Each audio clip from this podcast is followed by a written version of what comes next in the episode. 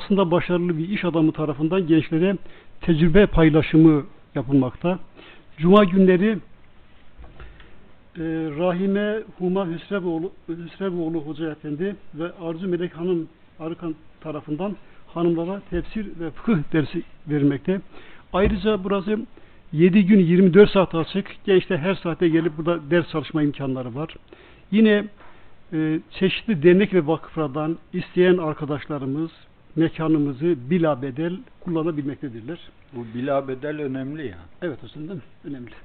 Vakıf dediğin öyle olacak işte. İsmi vakıf. O zaman dilerseniz Evet. CV'nizi okuyayım. Yok, CV okuma. Okumayayım. CV O okursan zaman- ben Karadenizli Biraz- şeyim bozulur. Uzun.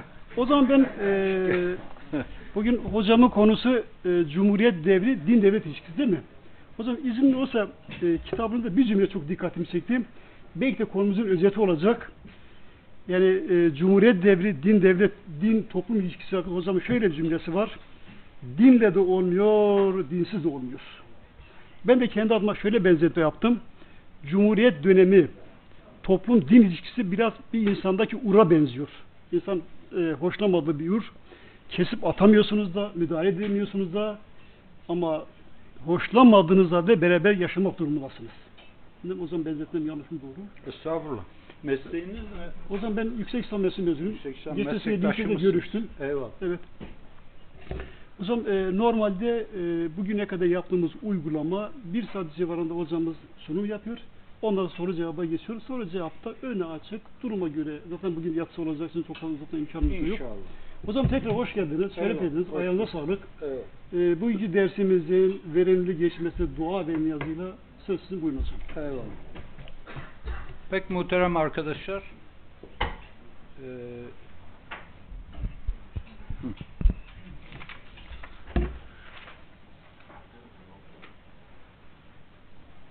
Cumhuriyet döneminde din meselesi veya kitabımızın adını zikredersek Cumhuriyet Türkiye'sinde bir mesele olarak İslam e, konusu arkadaşlar henüz yeterince soğukkanlı mesai sarf etmediğimiz bir konudur. Soğukkanlı mesai sarf etmediğimiz, ateşli mesailer sarf ettiğimiz bir konu olduğunu söyleyebilirim. Halbuki bu mesele Türkiye'de yaşayan herkes için, herkes için ama İslami endişe sahibi olanlar için daha fazla olmak üzere önemli bir meseledir. Bunu elbette vatandaşla soğukkanlı bir şekilde konuşmak zor olabilir. Ama eğitim almış insanlarla bunun bütün yönlerini e, müzakere etmek, tartışmak, ideolojik kalıplardan olabildiğince uzaklaşmış bir şekilde e, bu meseleye yaklaşmak lazım. En azından benim görüşüm böyledir. En azından.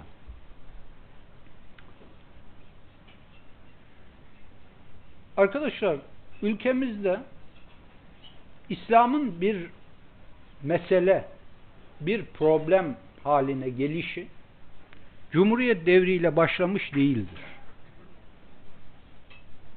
İslam'ın bir problem haline gelişi Osmanlıların son bir iki asrını kuşatacak kadar geriye giden bir meseledir. Bunu sadece Cumhuriyet devriyle sınırlı tutmak bizim meseleyi ele alışımızı daraltır. Dolayısıyla bakış açımızı da daraltır. Çok kısa olarak söylemek gerekirse İslam İslam'ın bir mesele haline gelişi Osmanlıların ve İslam dünyasının modernleşme teşebbüslerine dahil olmak mecburiyetinde kendilerini hissetmeleriyle başlıyor. Hadisenin başlangıcı burasıdır. Tarihi ne zaman? Bütün 19. yüzyıl. Fakat aslında bunun tarihi ta 18. yüzyılın son çeyreğine kadar gidiyor. 18. yüzyılın son çeyreği yani Osmanlıların aslında diğer İslam ülkelerinin tarihleri de benzer yakın bir manzara arz eder. İslam dünyasının kendisinden şüphe etmeye başladığı, kendi kendine yeterliliği artık tartışmaya açık bir alan haline geldiği bir döneme işaret eder bu. Dolayısıyla arkadaşlar bizim tarihimizde ıslahat hareketleri denen biz buna yuvarlak bir tarih olarak Tanzimat diyoruz. Tanzimat geç bir tarihtir. Tanzimat 1839 ee, halbuki bu işin tarihi daha e, geriye gidiyor. Muhtemelen ilk zikretmemiz gereken şey mevcut eğitim kurumlarımızın yanına yeni eğitim kurumları açmak mecburiyetinde kendimizi hissetmemiz olmalıdır. Mevcut eğitim kurumlarımız var. Medrese, tekke, enderun, esnaf loncaları ve fakat bunlar bize yetmiyor. Avrupa'yı tarzda bir eğitim, bir ilim anlayışı, bir bilgi anlayışına ihtiyaç hissediyoruz. Bu kuvvetli bir ihtiyaçtır. Hala hissediyoruz. Bakın aradan e, üç asır geçti. Hala hissediyoruz. Arkadaşlar modern eğitimin, modern bilimin, modern bilim anlayışının İslam dünyasına girmeye başlamasıyla birlikte İslam bizim mensup olduğumuz din bir problem olmaya başlıyor. Çünkü modern bilimle din arasında felsefi olarak bir zıtlık var. Zıtlığı yumuşatalım, bir mesafe var. Yani yumuşatırsak mesafe dememiz lazım. Sertleştirirsek zıtlık dememiz lazım. Bu yüzden arkadaşlar hem Osmanlı topraklarında hem İslam dünyasında ilk naturalistler, materyalistler, pozitivistler bu yeni okullardan çıkacaktır. Nereden çıktı bu materyalizm, pozitivizm, naturalizm? İslam dünyasına giren ve dinle felsefi olarak problemli olan modern bilimle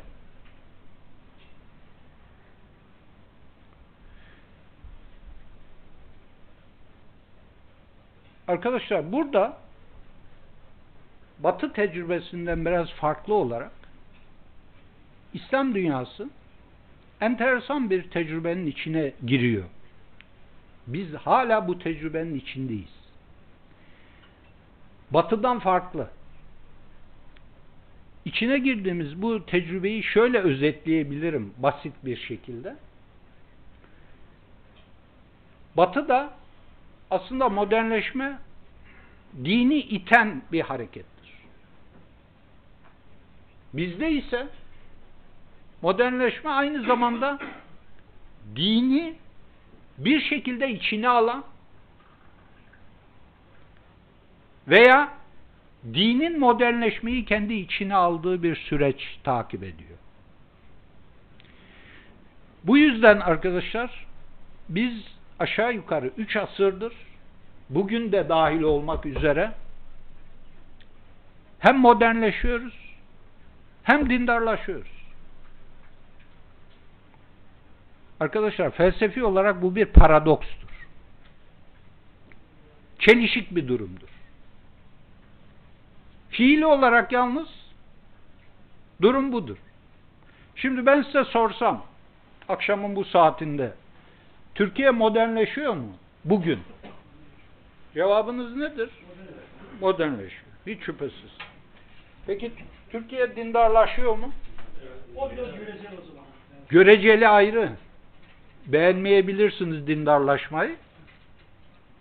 Oraya girmiyoruz. Modernleşmeyi de beğenmeyebilirsiniz. Şimdi bakınız laik kesim Türkiye'nin modernleşmesini beğenmiyor. Siz dindarlaşmasını beğenmiyorsunuz. Bunlar bunlar teferruat şimdi. Yukarıdan bakıyoruz. Türkiye modernleşiyor. Aynı zamanda dindarlaşıyor. Bu dindarlaşmadan sizin A, B şahısların memnun kalıp kalmaması önemli bir şey değil. Siz buna dejenerasyon diyebilirsiniz. Deyin yani. Hakikaten o tarafı da var. Ama arkadaşlar çok enteresan göstergeler var. Mesela Türkiye'de cuma cemaati artıyor mu? Hiç şüphesiz. Gençleşiyor mu? Hiç şüphesiz. Cami oranı artıyor mu? Bunları dindarlaşmanın göstergesi olarak görmez misiniz? Aşağıya indiğimiz zaman bunları tartışabiliriz. Aynı zamanda arkadaşlar Türkiye'de de İslam dünyasında da e, kuvvetli bir modernleşme arzusu var. Hatta bunun motoru Türkiye'de olduğu gibi muhafazakar dindar kesimdir. Modernleşme teşebbüslerinin motoru Türkiye'de 1950'den beri 1924'ten önce 1924 ile 1950 arasını bir parantez kabul edelim. Onun üzerinde duracağız. Ee, muhafazakar, dindar. Yani dindarlığını yine beğenmeyebilirsiniz. O ayrı bir bahis o. Şimdi e, arkadaşlar e, şu başlığı aklınızda tutmanızı istiyorum. Felsefi olarak birbirine zıt olan iki şey yani modernleşme ile dindarlaşma Türkiye'de ve İslam dünyasında iç içe. Bu bir paradoks. Ve fakat fiili durum bu.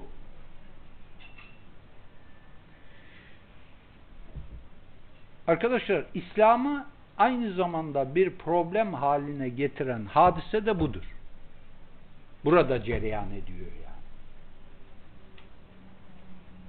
Ve bu kesinlikle Cumhuriyet devriyle başlamış bir şey değil. Her ne kadar Cumhuriyet devrinde bu mesele bazı bölgeleri itibarıyla daha problemli hale gelse, daha e, efendim kronik bir hadise haline gelse bile ama meselenin e, devam eden bir hadise olduğunu ve Türkiye ile de sınırlı olmadığını görmemiz lazım. Türkiye ile kıyaslayabileceğimiz diğer İslam coğrafyaları benzer durumdadır. Aynı durumdadır bile diyebiliriz çok yukarıda. İran, Mısır, Hindistan, Pakistan. Hem modernleşme hem dindarlaşma noktasında. Tabi. Ayrıca bunların tarihi tekrar ediyorum modernleşme problemine dahil olmaların tarihi de birbirine çok yakındır. Özellikle bu büyük İslam coğrafyalarının. Mesela Afrika böyle değil. Kuzey Afrika böyle ama. İran böyle. Mısır böyle. Hindistan böyle. Tarihleri bize yakındır. Arkadaşlar daha sonraki tarihlerinde de enteresan yakınlıklar var. Ben son hadiseler dolayısıyla eee yazılarımdan daha çok röportajlarda ve televizyon konuşmalarında bir şeyin altını çizdim. Pek Türkiye'de dikkat eden olmadı. veya dikkat edenler de bunu e, anlamak konusunda artı bir çaba sarf etmediler. E, arkadaşlar e, 1978 Ziyaül Hak başkanlığındaki Pakistan ihtilali. 1979 İran devrimi. 1980 12 Eylül 1981 Mısır Enver Sedat'ın devrilişi Arkadaşlar bu tarihlerin bu kadar birbirine yakın oluşu kesinlikle tesadüfi değil. En azından bana göre kesinlikle tesad tesadüfi. Söyledim 79 İran'ı. Şüphesiz. Yani bunu şunun için söylüyorum. Bu büyük İslam coğrafyalarının eee modernleşme hadisesiyle birlikte içerisine girdikleri süreç tarihi akış itibarıyla birbirine yakın, birbirine benzer kronolojik olarak da, mevzu olarak da tartışılan problemler olarak da birbirine birbirine yakın kronolojileri e, tartışmaları ve problemleri var.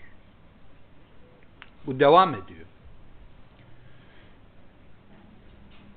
Çok dikkat etmek lazım buna. Dediğim gibi bunun pek e, taliplisi çıkmadı.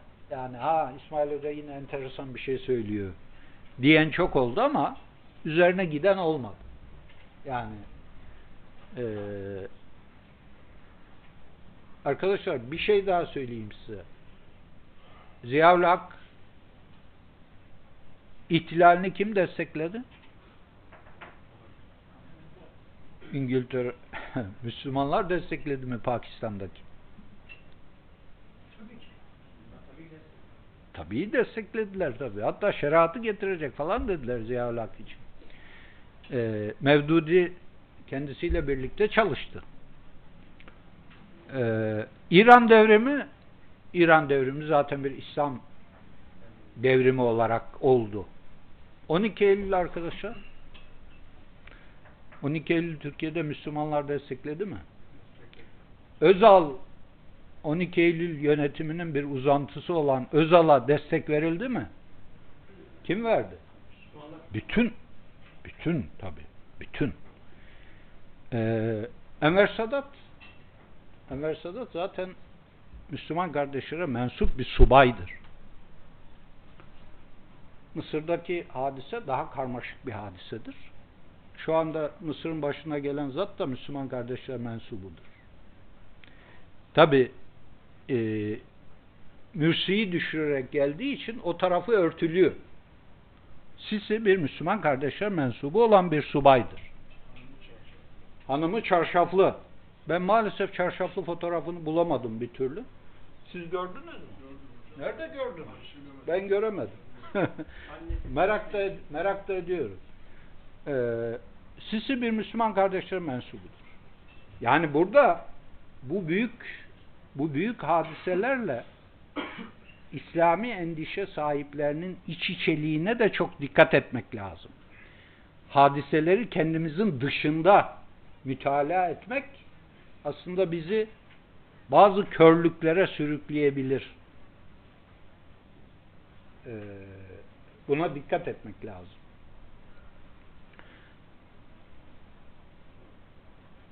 O zaman da bugün de gündeme getirdiğim hadiselerden biri şudur. Nasıl oluyor da Özal'ı Türkiye'de bütün İslami camia mensupları destekliyorlar? Bu çok önemli bir sorudur. Hiç kimse bunun üzerinde durmadı. Hala Özal'a karşı büyük bir hayranlık vardır. Açık veya gizli. önemli bir kısmı açık. Fakat açık olmayanlar da gizli bir hayranlıktır. Ee,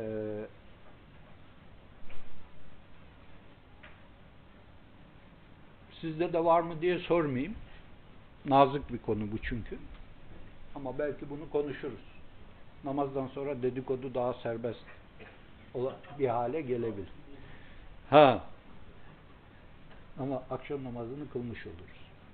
Şimdi arkadaşlar bu faslı uzatmayayım. Sanıyorum bu e, İslam'ın bir problem haline gelişinin İslam dünyasındaki ve ülkemizdeki modernleşmenin dindarlaşmayla birlikte yürümesiyle alakalı olduğunu bir miktar anlatabilmiş e, olduğumu düşünüyorum. Bunlar birbirini etkiliyor arkadaşlar. Bu etki pozitif tarafları da var. Negatif tarafları da var yalnız. Eğitimli insanların iki tarafı birlikte müzakere ve münakaşa etmesi lazım. Vatandaş bir meseleye iki açıdan bakamaz. Biz olabildiğince iki, üç, dört açıdan bakabiliriz. Yani bir meseleyi bütün yönleriyle menfi müsbet taraflarıyla müzakere etmemiz lazım. Cumhuriyet devrine intikal edersek eğer e, esas konumuz burası. Ama bunun Osmanlılardan devam eden bir hadise olduğunu unutmayınız. Özellikle bu muhafazakar mütedeyyin kesimde Osmanlı ile Cumhuriyet arasında katı bir duvar örülür. Bunun ben yanlış olduğunu düşünüyorum. Talebelik yıllarımızda bize de böyle hocalarımız öğretmişlerdi. Ee, bu bizi çoğunlukla yanlış veya eksik değerlendirmelere sürüklüyor. En azından benim kanaatimin böyle olduğunu söyleyeyim.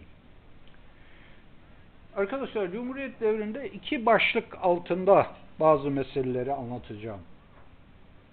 Bu ana başlıklardan biri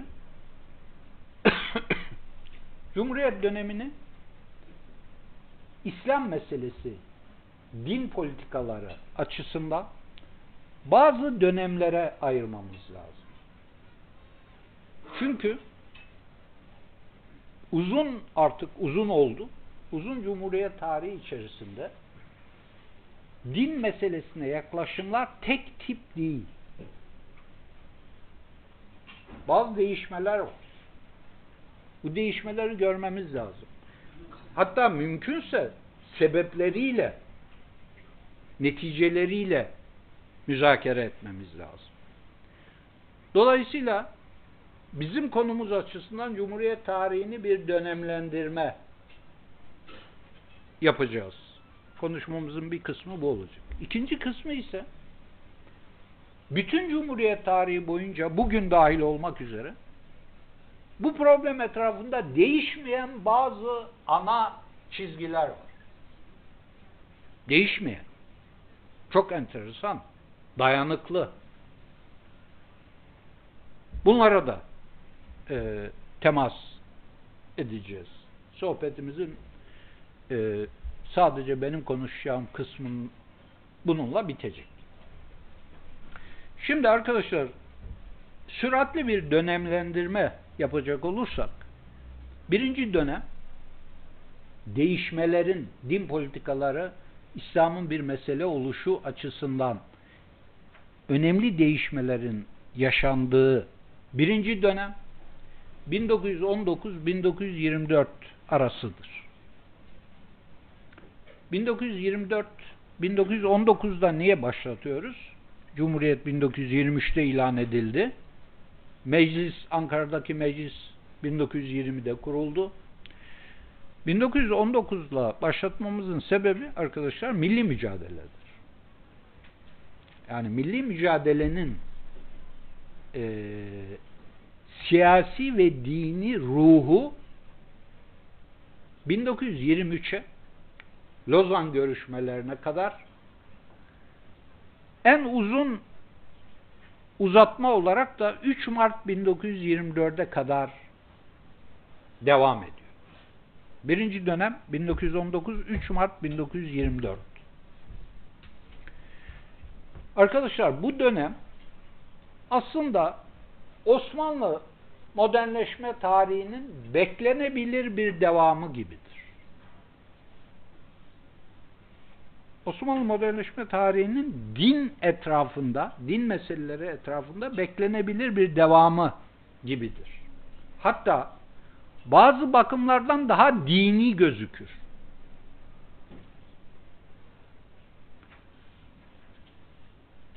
Mesela arkadaşlar Osmanlı meclislerinde dini hiçbir sembol yoktur. 1876'da ilk meclis açılıyor. 1920'de kapanıyor. Son Osmanlı Meclisi. Benim görebildiğim hem fotoğraflarda hem çizimlerde hiçbir dini motif yoktur. Sadece bugün dini motif olarak kullanılan Osmanlı arması var. Osmanlı arması dini bir motif değil. Şimdi insanlar bunu dini bir motif olarak kullanıyorlar. Çok yanlış bir şey aslında. Ama toplumun tabi böyle davranışları var yani. Toplum yanlışı doğru olarak yapabilir. Bu biraz da Osmanlı meclislerinde gayrimüslim milletvekillerinin olmasıyla alakalıdır. Fakat arkadaşlar Ankara'da kurulan meclis dini sembollerle doludur. Doludur. Yani. Başkanlık kürsüsünün arkasında meşveret ayeti yazılıdır. Yani meclisin en görünür yerinde harika bir talik istifle e, meşveret ayeti yazılıdır. Meclisin dış duvarında sancak-ı şerif asılıdır. Efendim e, zaten Hacı Bayram camisinde kılınan cuma namazı, Kur'an hatimleri, Buhari hatimleri, dua, kurban kesmelerle açılıyor. Ee, mecliste arkadaşlar bugünkü komisyonlar gibi şeriat encümeni var. Kanunları şer'i hukuk açısından denetleyen bir encümen var. Komisyon var yani. Bugünkü anayasa komisyonu gibi vesaire. Ee, birinci mecliste en kalabalık milletvekili oranına sahip olan grup alimler ve şeyhlerdir. En kalabalık grup bunlardır. Dini yayıncılık açısından böyledir. Dini söylemler açısından böyledir. Ee, zaten milli mücadelenin dili panislamist ve hilafetçi bir dildir. Vesaire. Bu örneklerini için verdik? 1919, 1923 veya 3 Mart 1924 arası aslında Cumhuriyet dönemi Osmanlı modernleşmesinin hem modernleşme hem dinileşme aksını birlikte götüren hatta bazı bakımlardan daha müsbet daha olumlu çerçeveler çizen bir yapıya sahiptir. Bunu görmek lazım.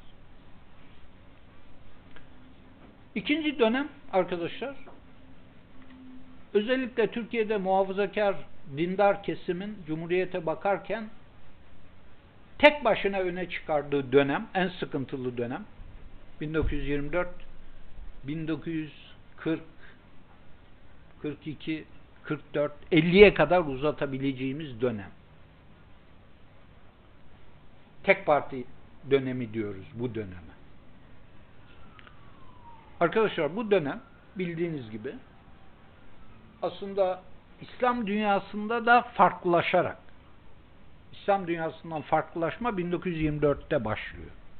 1924'e kadar e, Türkiye'de konuştuğumuz meselenin akışıyla İslam dünyasındaki akış birbirine çok yakındır. Paraleldir.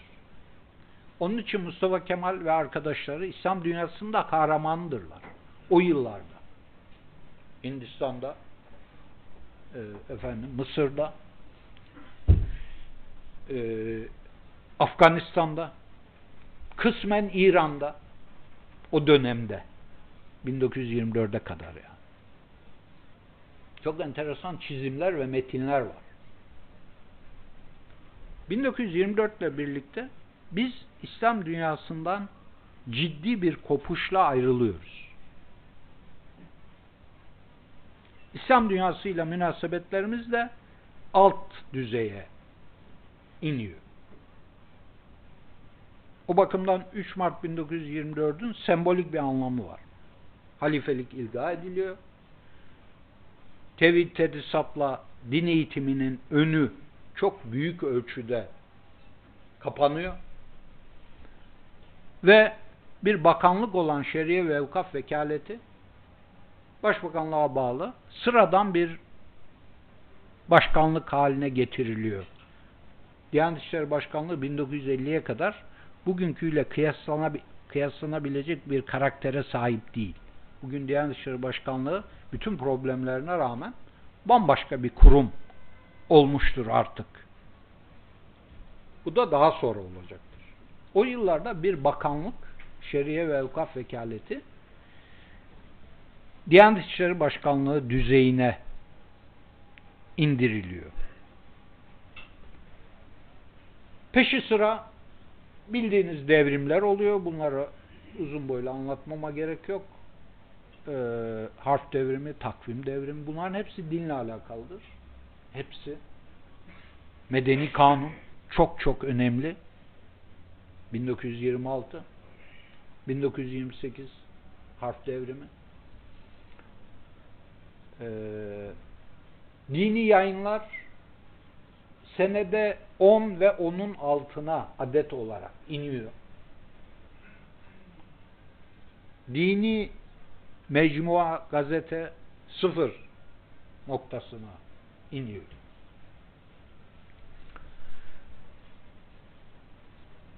Din eğitimi yasak halde ancak kahraman hocaların her şeyi göze alarak yürüttükleri gizli mücadelelerle yürüyebiliyor. Sınırlı bir şekilde. Vesaire. Arkadaşlar genel olarak bizim e, bu meseleyi ele alan kitaplarda okuduğumuz şey bu tek parti yıllarının 1950'den sonra değiştiği istikametindedir. 1950'ye kadar aynı gidiyor. Arkadaşlar bu değerlendirme bizim konumuz açısından biraz problemli bir değerlendirmedir. Ara ara taksimatlar yapmamız lazım. Ee, çok partili hayat 1944 yılında başlıyor. İlk çok partili seçim tartışmalı da olsa 1946. Fakat İslam ve din meselesiyle ilgili yeni bazı atılımları görmeye başladığımız yıl 1939'a kadar gidiyor arkadaşlar. 1939'da İslam Ansiklopedisi'nin tercümesine karar veriliyor. Bu ansiklopedi aslında bildiğiniz gibi oryantalistlerin yazdığı bir ansiklopedidir. Fakat bu motamo tercüme edilmiyor. Tadil ve tekmil edilen maddeleri var. Yani Türkçe İslam Ansiklopedisi neşriyatı şimdikinden bahsetmiyoruz. Eski İslam Ansiklopedisinden bahsediyoruz. 1939'da başlıyor. Bunun orijinali üç büyük cilttir. Türkçesi 12 cilt halinde 14 cilttir. Özellikle tarihi maddeleri, Osmanlı tarihi maddeleri dinle ilgili maddelere pek dokunmuyorlar. Doğrudan dinle ilgili. Tarihi dinle ilgili kabul eder misiniz? Mesela Fatih Sultan Mehmet'in hayatı yeniden yazılıyor. Fuzuli'nin hayatını din kabul eder misiniz? Niye? Etmez misiniz? ee, peki Şeyh Galip'in hayatını dinin içinde kabul eder misiniz? Ha. Şimdi arkadaşlar 1939 bakın yani 1950'ye daha çok var. Enteresan bir şekilde Nurettin Topçu Hareket dergisini 1939 Şubat'ında çıkarmaya başlıyor. 1939 Şubat. İlk dergidir arkadaşlar. İlk ilk dergidir zaten. Yani ilk muhalif dergidir. Büyük Doğu 1943'tür. 1943 yılında çıkıyor. Arkadaşlar bu İslam Ansiklopedisi çok önemli bir değişmeye işaret eder. O kadar ki bir yıl sonra 1940 yılında Sırat-ı Müstakim Sebil Reşat yayınının başında olan Eşref Edip bu İslam Ansiklopedisine karşı bir İslam Ansiklopedisi neşriyatına başlayacaktır. İslam Türk Ansiklopedisi adıyla. 1940 maalesef bir buçuk cildi çıkabiliyor, akamete uğruyor. Ama başlıyor yani. Yayınlanıyor. İlk dergilerden biri de bu ansiklopedinin dergisidir. 1940. İslam Türk Ansiklopedisi mecmuası. 1943 Büyük Doğu. Bakın daha çok partili hayat başlamadı. İşaretleri bile yok. Fakat bazı değişmeler olmaya sadece gevşeme değil. Burada Müslüman camianın aktif bir unsur olarak devreye girmeye başladığını, buna müsaade edildiğini hem devreye giriyorlar hem de 1924 39 arası gibi değil yani. Ee, faaliyetlerini sürdürebiliyorlar. Bu kısmı biraz farklı değerlendirmek lazım. Ama şimdilik en azından burayı biraz daha süratli geçmemiz lazım. Arkadaşlar çok partili hayata geçtikten sonra İkinci Dünya Savaşı sonrası İkinci Dünya Savaşı öncesi başlayan bu farklılaşan, değişen din politikaları İkinci Dünya Savaşı sonrası Türkiye'nin biraz da Sovyet Rusya'ya karşı Amerikan aksına doğru hareket etmesi neticesinde tek parti yöneticileri tarafından sınırlar bir miktar daha kontrollü olarak açılıyor. Tabi sınırlar açıldığı zaman da Türkiye'deki İslami endişe sahipleri, Türkiye'deki cemaat ve tarikatlar hareketleniyor ve devreye giriyor. Arkadaşlar burada çok önemli şeyler var. Bakınız ilk hacca izin verilmesi 1947'dir. 1947. 1924 47 arası kanunen yasak değil, fiilen yasak. Kanunen yasak değil yalnız. Kanuni bir yasaklama, ben görmedim. Ee, döviz yokluğu, bulaşıcı hastalık, yol güvensizliği gibi gerekçelerle ki bunlar aynı zamanda dini gerekçelerdir. Ama burada tabi siyaset tarafından kullanılıyor. O ayrı bir şey. 1947'dir. İlk var. Tüccar olarak gidiyor. Veya önce Suriye'ye gidiyor. Oradan hacca gidiyor. Resmi olarak. Hacca giden yoktur. 1924-47 arası. İlk sefer 1947'dir. Bakın 1950'ye daha çok var. Ee, tek parti iktidarı bunları yapmaya başlıyor. Niçin yapıyor bu ayrı bir şey. Fakat bunun açtığı bir yol var. İşte din derslerinin tekrar konması gündeme geliyor. İmam kursları gündeme geliyor. İlk cami dernekleri kuruluyor arkadaşlar. Çok önemli. Bugün önemsiz bir şey gibi gözüküyor. Her taraf cami derneğiyle dolu. İlk cami derneği hangisi biliyor musunuz? Efendim? Hayır efendim. Kocatepe Camisi e, teşebbüsüdür. Tabi. 1944 ve resmi bir yarı resmi bir teşebbüstür. Tabi talihsizlikler oluyor. Kocatepe Camisi'nin açılışı 1986'dır. Fakat derneğin kuruluşu 1944'tür. 1946-47'de Ankara Maltepe Camisi yapılıyor. Çok önemli bir camidir bu. Şimdi artık önemsiz bir cami. Haşa. Cami önemsiz olmaz da. Yani çok canlı bir genç arkadaşlar belki adını bile hiç duymuyorlar. Ama biraz yaşlı arkadaşlar hatırlayacaklardır. Kocatepe'den önce protokol e, camisidir. E,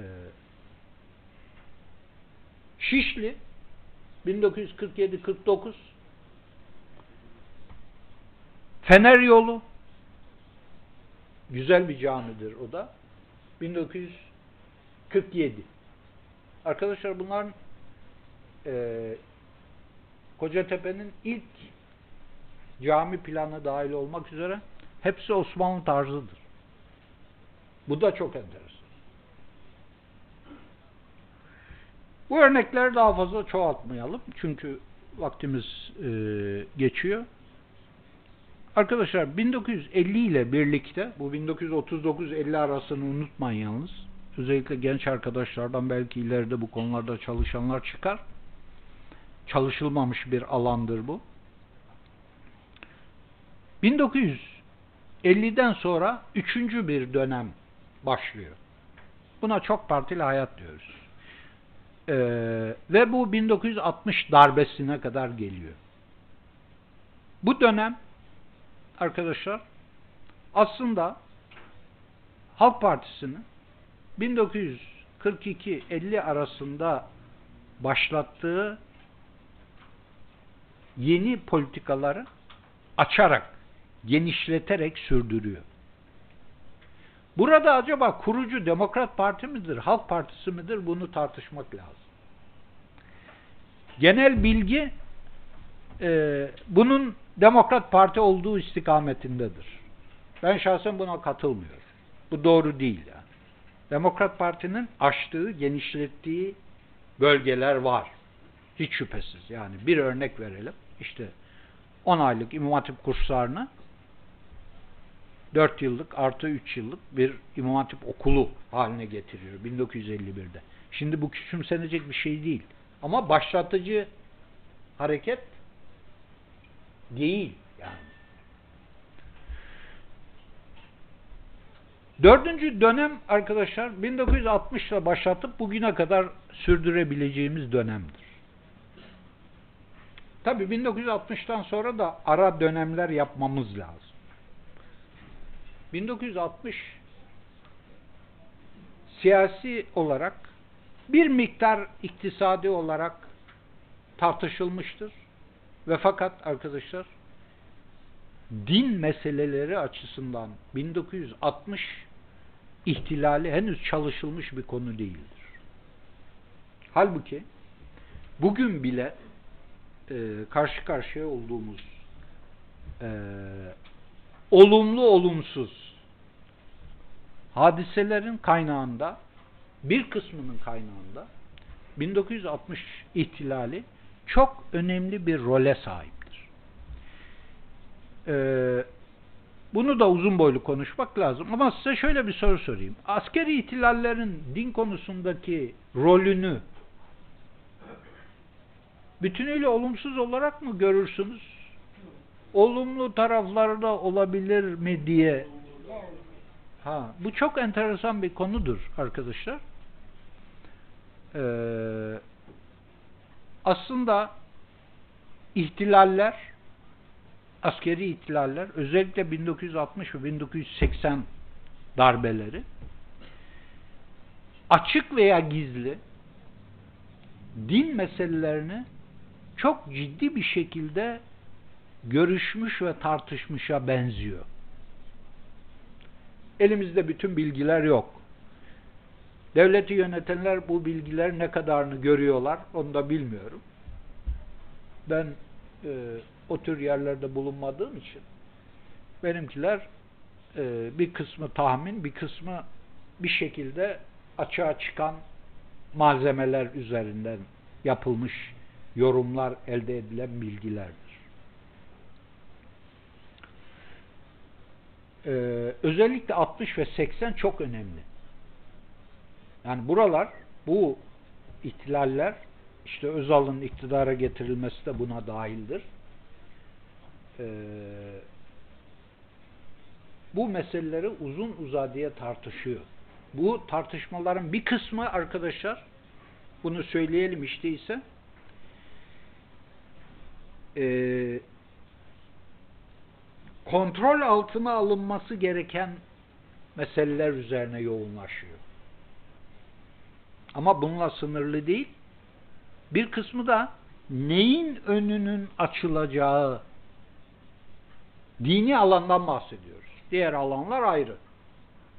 Neyin önünün açılacağı problemlerini e, tartışıyor.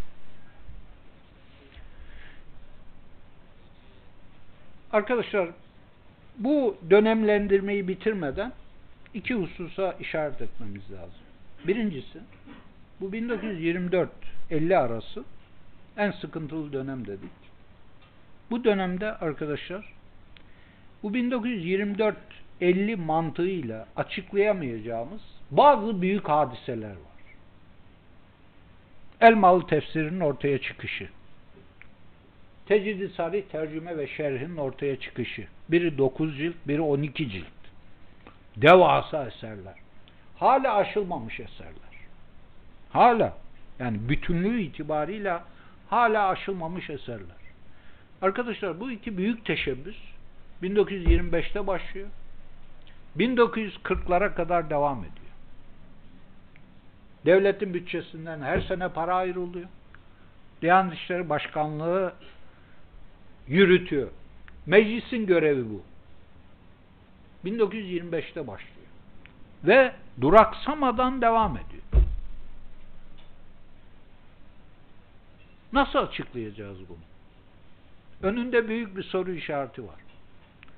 Aslında burada çok yönlü fikirler yürütmek lazım. İşaret etmek istediğim konulardan biri budur. Bu kadarla geçelim. İkincisi arkadaşlar, Türkiye'deki dindar halkın, mütedeyin insanların, İslami endişe sahiplerinin, cemaat ve tarikatların bu konularda nasıl davrandıkları meselesidir. Bu konuyu da yeterince çalışmadık maalesef. Arkadaşlar burada çok e, 1960'lara kadar gelen çok enteresan bir davranış tarzı görüyoruz. Bunu basit bir şekilde şöyle özetleyebilirim. Mütedeyin insanlar, cemaat ve tarikatlar dahil, İslam endişe sahipleri, hocalar dahil olmak üzere, bunlar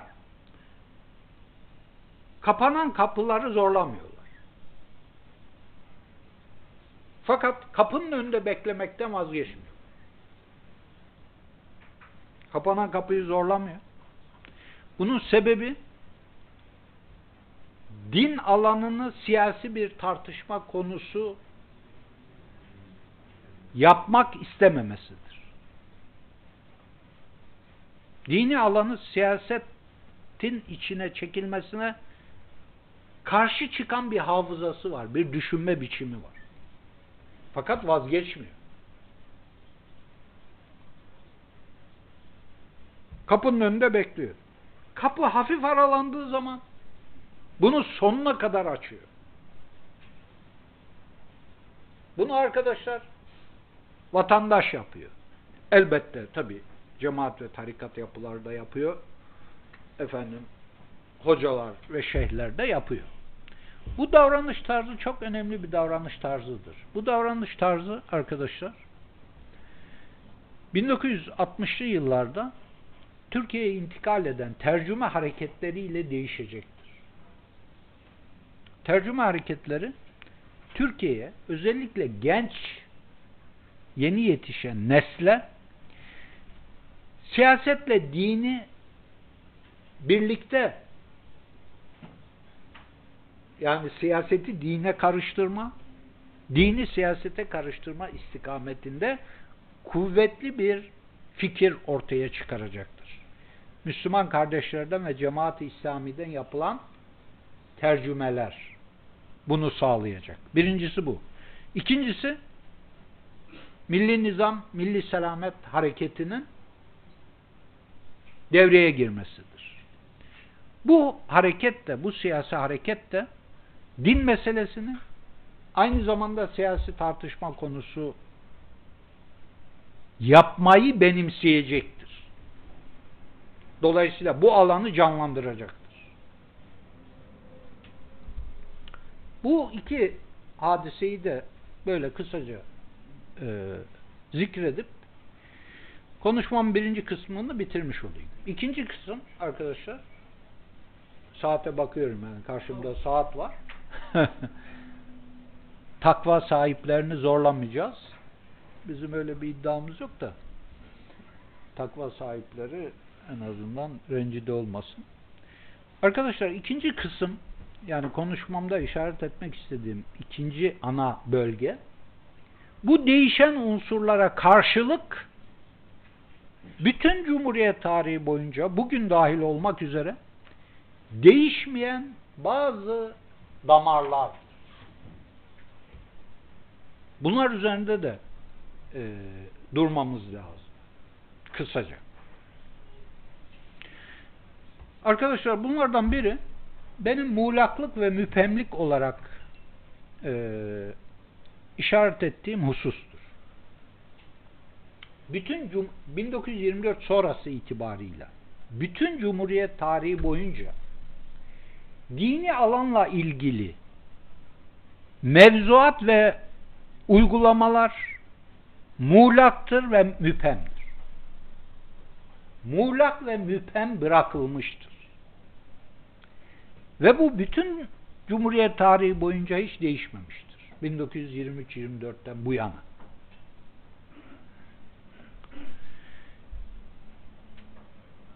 Bazı örnekler vermem lazım. Değil mi? Şimdi arkadaşlar bakınız. Halifeliği kaldıran kanunda hilafet mecliste mündemiştir diye bir ibare var. Hilafet mecliste mündemiştir. Nereden çıktı? Derler ki Menderes işte siz isterseniz hilafeti bile getirebilirsiniz derken meclise buna atıfta bulunuyormuş.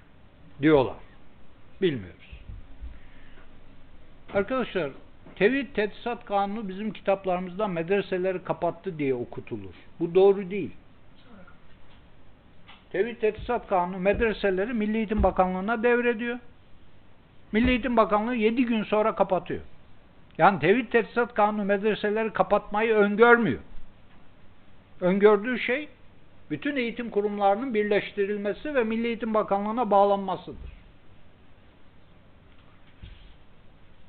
Arkadaşlar niçin kanun medreseleri kapatmıyor da bunu bir bakanlık hükmü haline getiriyor? Şimdi latife olarak söylüyoruz. Hukuken bakarsanız Milli Eğitim Bakanlığı medreseleri açabilir. Açabilir mi? Açar mı? muğlak arkadaşlar, muğlak ve müpem. Büyük bir muğlaklık ve müpemlik var. 1934 yılında Ayasofya cami olmaktan çıkarılıyor, müze haline getiriliyor. Arkadaşlar 1934 yılından bugüne kadar Ayasofya camisinin imamı var. 1934'ten bugüne kadar. Kadrolu. Bunu hukukçu arkadaşlara da soruyorum ben. Onlar da büyük bir e, hayretle bana bakıyorlar. Diyorum ki Ayasofya Camisi diye bir kurum yok. Ayasofya Camisi diye resmi bir kurum yok. Ayasofya Müzesi var. Fakat Ayasofya Camisi imamı var. Diyanet İşleri Başkanlığı'ndan maaş alıyor. Devletten maaş alıyor.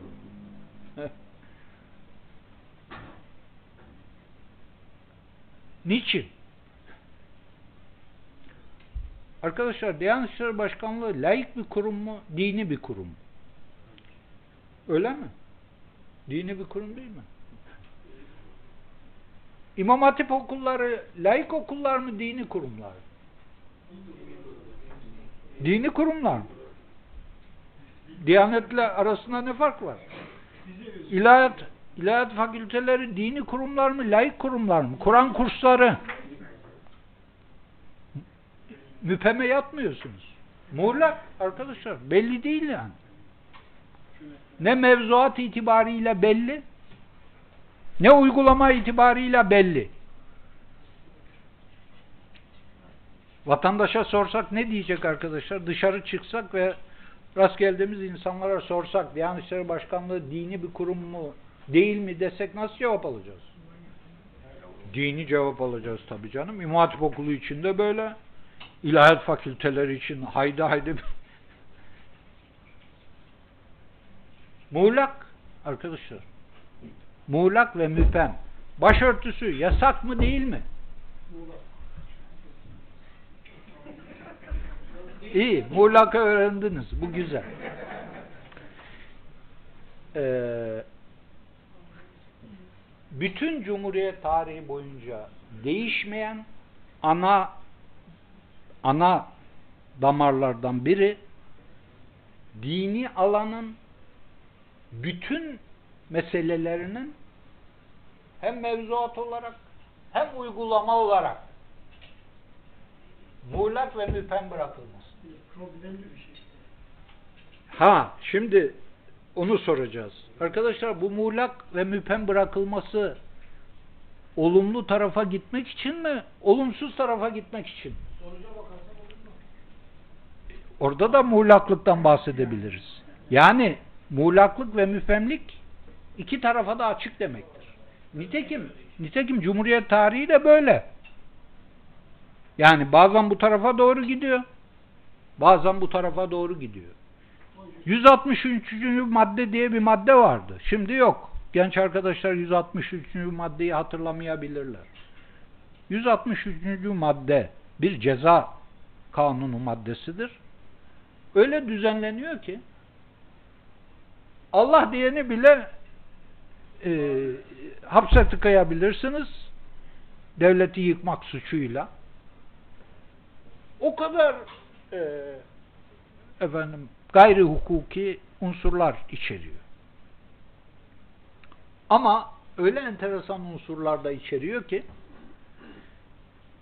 dindarlar her şey yapabilir ve yani bir hakim bu suç değil diyebilir. Din ve vicdan özgürlüğünün içine dahil edebilir. Konjonktür. E, konjonktür mü acaba? Tabii konjonktür çok önemli. Fakat birinci derecede arkadaşlar bu muğlaklık ve müfemliği anlamamız lazım ki bu nereye doğru akıyor? Ne zaman nereye doğru akıyor? Buna bakmamız lazım. Nazik bir soru sorayım mı size? Bugün bu muğlaklık ve müfemlikler devam ediyor mu etmiyor mu? Ee, bunu da konuşalım. Arkadaşlar ikinci değişmeyen ana kalın çizgi bütün Cumhuriyet tarihi boyunca 1924'ten bugüne kadar Türkiye'nin din devlet ayrılığı manasında bir laiklik ve din politikasını öngörmemiş olmasıdır.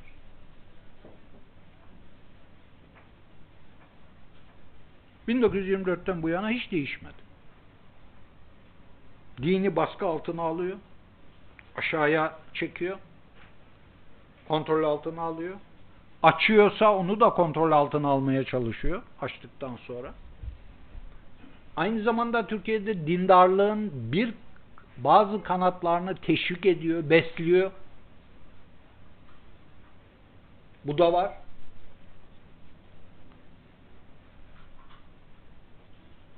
Din eğitiminin önünü açıyor.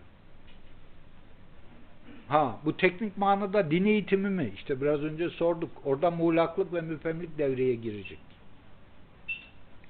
Fakat arkadaşlar din devlet ayrımı manasında bir laiklik ve din anlayışına bütün Cumhuriyet tarihi boyunca prim vermiyor. Bu da enteresan bir şey. Onun için ben şunu yapmıyor yani. Bunu öngörmüyor ve bunun önünü açmıyor. Şunu e, söylüyorum bu meseleyi biraz e, belki uzağa kavuşturmaya yardımcı olur diye. 1924'ten bugüne kadar arkadaşlar hiçbir üst yetkilinin ağzından Türk devletinin dini yoktur cümlesi çıkmamıştır. Veya ben hiç görmedim. Görene de tesadüf etmedim bugüne kadar. Şimdi aslında laik bir ülkede bu cümle çok normal bir cümledir. Devletin dini yoktur demek. Yani devlet bütün din mensuplarına karşı eşit durumdadır. Kendisi bir dini terviç etmez. Takbih etmez. Benimsemez. Kötülemez de. Devletin dini yoktur. Laiklik bu demek zaten. Bunu batıda bir devlet adamı söylesin. Normal bir cümle yani. Devletin dini yoktur. Türkiye'de arkadaşlar en problemli dönemler hariç ben böyle bir cümleye tesadüf etmedim. Çünkü bu cümleyi söylediğiniz zaman toplumun bunu anlaması mümkün değil. Ee, dolayısıyla bütün Cumhuriyet tarihi boyunca bu topraklardaki din devlet anlayışına e, dinle devletin iç içe oluşuna sanki hassasiyet gösterilmiş gibi bir manzara var.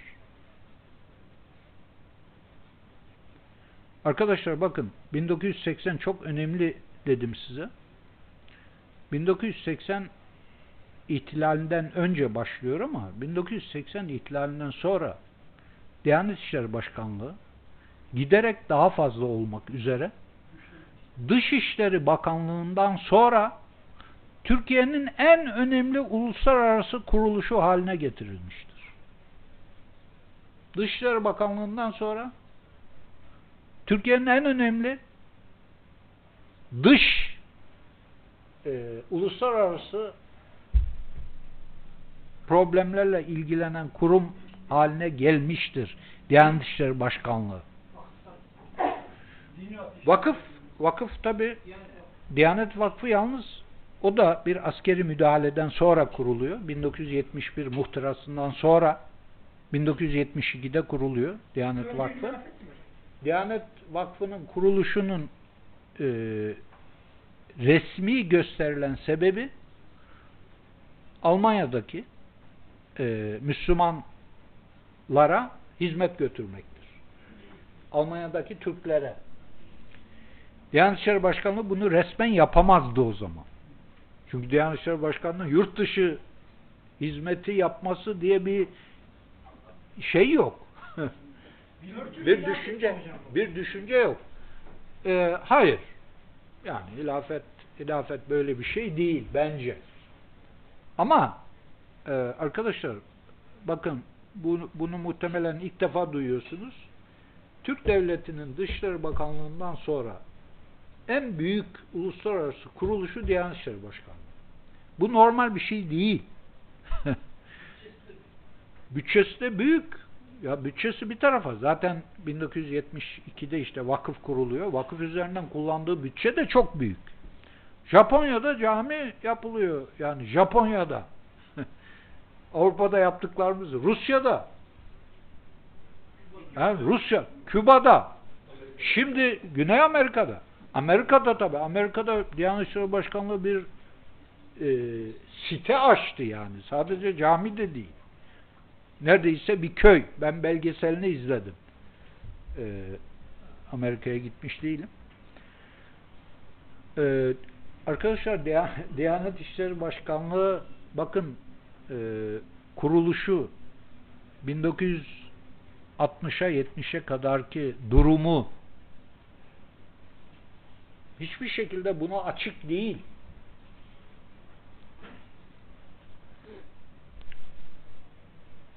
Zaten 1980'den sonra hariciye vekaletiyle çalışıyor. Yani bazı işlerini birlikte yürütüyorlar. Yeni bir şey değil bu. Son dönemde imkanlar biraz daha artırıldı fakat kesinlikle yeni bir şey değil bu. Vakfın kuruluşu 1972. Tayyar Altıkulaş tarafından kuruldu. Tayyar Altıkulaç'ın başkan yardımcılığına gelişi de 1971 muhtırasından hemen sonradır. Ee, görevden alınan kişi kimdir? Hatırlıyor musunuz? Kim görevden alınıyor ve Tayyar Bey geliyor yerine? Hayır. Süleyman Ateş Bey Tayyar, sonradan başkan olacak. 76'da. Ee, ve Süleyman Ateş gelince Tayyar Bey'i görevden uzaklaştıracak Erbakan'ın isteğiyle. Ee, görevden alınan kişi hayır Lütfü Doğan e, o zaman yani iki tane Lütfü Doğan var. Biri Milli Selamet Partili, biri Halk Partili Lütfü Doğan. Doktor. Öbürü de Müslüman canım yapmayın. Doktor. Ha, Doktor Lütfü Doğan işte Halk Partili olandır. Ee, öbürü Diyanet İşleri Başkan Vekili Bayburtlu olan. Gümüşhaneli mi? Bayburtlu değil mi? Gümüşhaneli olan Diyanet İşleri Başkan Vekili. Hiç başkan olamadı o. Dört yıl vekil olarak görev yaptı. Ee, başkanlığa atamadılar onu. O başkan efendim Ömer Nasuhi Hoca o 60'ta e, 60 ihtilali sonrası geliyor ve bir yıl kalamadan istifa ediyor, ayrılıyor. E, arkadaşlar 12 Eylül 12 Mart affedersiniz 12 Mart muhtırası Yaşar Tunagür'ü görevden alıyor ve Tayyar Altıkulaç'ı göreve getiriyor. Yardımcı, Tayyar Altıkulaç da yardımcı olarak geliyor. Hayır. Tayyar Bey de yardımcı olarak geliyor. Başkanlığı 79. Tayyar Altıkulaç'ın başkan olması 1979. 79 diye. Evet. Ecevit'in e, başkan 78. Eyvallah. E, başkan oluşu 71'de başkan yardımcılığına geliyor. Ve o sırada Diyanet Vakfı kuruluyor. Bu teferruattan biraz uzaklaşalım. Altını çizmek istediğimiz husus arkadaşlar, uzun cumhuriyet tarihi boyunca din devlet ayrılığı manasında batılı bir laiklik tarzı tercih edilmiyor. Dini alan baskı altına alınmakla beraber din, devlet iç içe bir e, tarz benimseniyor. Hocam toplum baskısından olabilir mi? Batı'da bu kadar baskı yok çünkü tabanda. Toplum baskısı arkadaşlar eğer toplum baskısından bahsedeceksek bu ancak 1950'lerden hatta bana sorarsanız 60'lardan sonra gündeme gelecektir. Biraz önce söyledik ya yani Türkiye'de mütedeyyin kesim e, dini alanı siyasi bir tartışma konusu haline getirmemek için e, bu konularda ses yükselten, el kaldıran bir tavır benimsemiyor. Bunun benimsemesinin tarihi çok yenidir. Elbette halkın talepleri var. Her zaman var. Ama bu e, Ankara'yı ayağa kaldıracak bir mahiyette değil yani. Özellikle 1950'lere hatta 60'lara kadar. Yani Demokrat Parti döneminde e, bir taraftan Nurcular e, teşvik ediliyor. Efendim 1957-59 arası Risale-i Nurlar e, devletin desteğiyle basılıyor. Öbür taraftan bu dönemde binlerce nurcu tarikat mensubu irtica suçuyla suçlanarak tutuklanıyor. Binlerce insan. Bir tane beş tane değil. Bu 1974'e kadar devam ediyor aslında. Yani. Ee, Onun için burada halk baskısı tabi dolaylı pasif bir baskıdan bahsedebiliriz. Ama sen sanıyorum biraz daha sert bir şeyi kastediyorsun değil mi? Bu hangisi?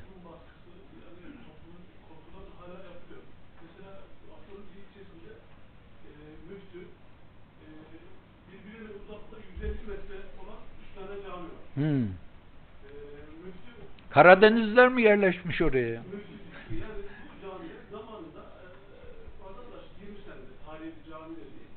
E, 20 senedir buraya cami olsun diye bağışlamış. Hmm. Cami yapmışlar. Hmm. Ama diyor, şimdi ben diyor yani bu ikisinin diyor e, yani ihtiyaç olmadığını söylesem diyor cami kafadan müftü diye kimse alırlar. Tabi artık kapatama. O geçti. Ama bu mesela İstanbul'da e, 1920'li, 30'lu, 40'lı yıllarda birçok cami cami olmaktan çıkarıldı, satıldı. Ahır da yapıldı tabi. Askeri gerekçelerle birçok şey yapıldı. Satıldı, satıldı. Yani şimdi onların bir kısmını ihya ediyorlar. Epey bir zamandır. Yani ilk ihya edilenler biliyorsunuz bu e, Sirkeci'deki tren garının yanındaki camidir. Ben İstanbul'a geldiğim zaman orası Anadolu Saz Evi'ydi. Tabi. siz de bilirsiniz. İşte ondan sonra Cezeri Kasımpaşa Cezeri Kasımpaşa Camisi yapıldı Cağaloğlu'nun merkezinde. Ee, Hürriyet'in karşısındaydı. Tabi Hürriyet oradaydı ve sesini çıkaramadı ama çok diş biledi o devirde. O cami daha önce var mıydı evvelden? Elbette canım zaten tarihi karakterine uygun olarak yapıldı. Orası cami yeri değil ki. Sanki o dönem Tımarlı'ya karşı yapıldı. Hayır hayır hayır orada cami var. Zaten adı Cezeri Kasımpaşa Camisi. Aşağıdaki de öyle. Yani Merzifonlu Kara Mustafa Paşa Camisi. Ee, bunlar tarihi camiler. Başka türlü zaten or- or- oralarda cami iskanı almak çok zordu. Hocam baskı sorusunu şöyle tersinden sorabilir miyiz? Ee, yani Türkiye'de o zaman İslamcılığın belirleyicisi devlet mi, cemaatler mi? Ve İslam me- medeniyeti hangisinden sıyrılmalı, hangi parametrelerle ayrılmalı? Ha, bunu istersen soru faslına saklayalım. Bu soruyu unutma ama önemli bir soru bu. Şimdi e, şeyi tamamlayayım ben. İster son son bir e, şeyden bahsedeyim arkadaşlar. Üçüncü değişmeyen hat e, 1924'ten bugüne kadar dini muhalif bir odak olabilecek olan dini gruplar ve kişiler çok çeşitli yollarla sistemin içine dahil edilmiştir.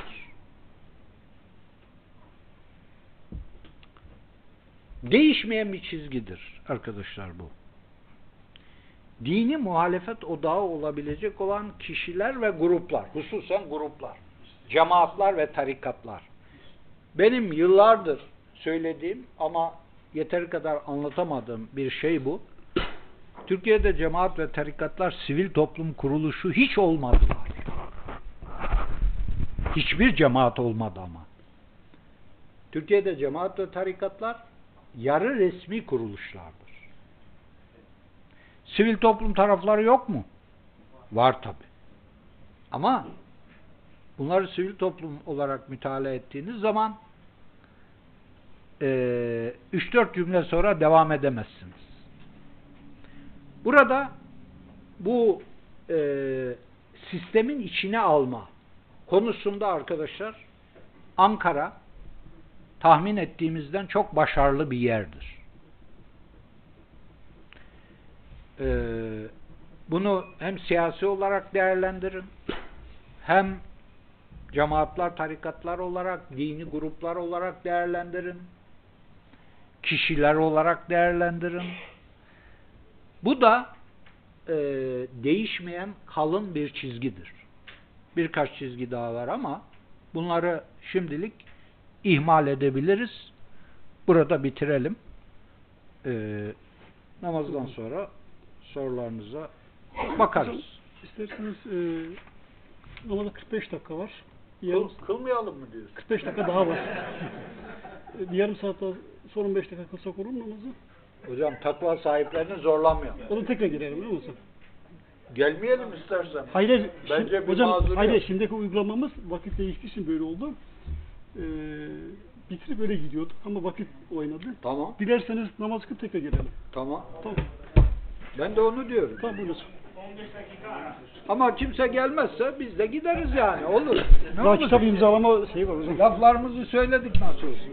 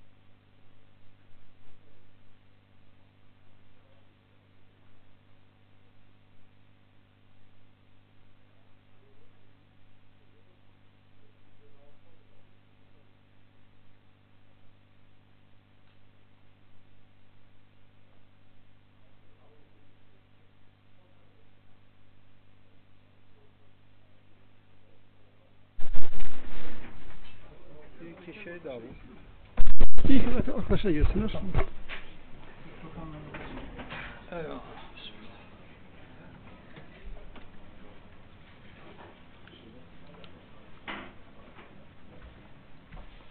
Şimdi ne yapıyorsun? Emekli mi oldun? Yok hocam ben ticaret olsun. Öğretmenlik yapmadım. Nerede? Çağrı marketleri bilirsiniz. Doğru bilirim. Ben ortaklığından. Başkanın kardeşiyim. Öyle mi? Abisi pardon. Sonra ben tanışıyorsun. Tabii tanışıyoruz tabii canım. Hatta arkadaşlar söyler mi? Ben o da gelir belki bugün. Ama çok benzemiyorsun da. Bir şey de farklıları böyle böyle üçüncü bölgede seçim sonucu verilmiş. Silivri, Büyükşehir'de, Çatalca.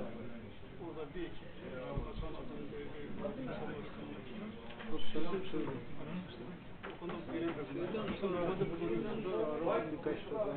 Ee, tabii telefonumu numarayı açmadım.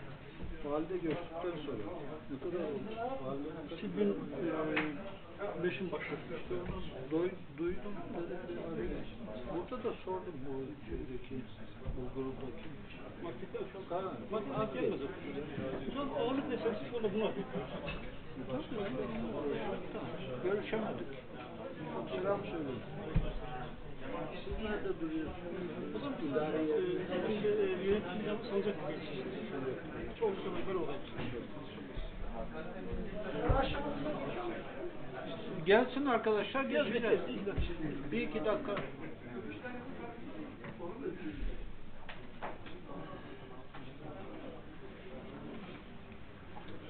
Ben bir sesli ziyarete gelmiştim, o çok oldu. Meclisi'nde. Sonunda imza töreni olacak. Öyle de. İmzalayalım. İstisnai olarak. Tamam. Mil. Yirmi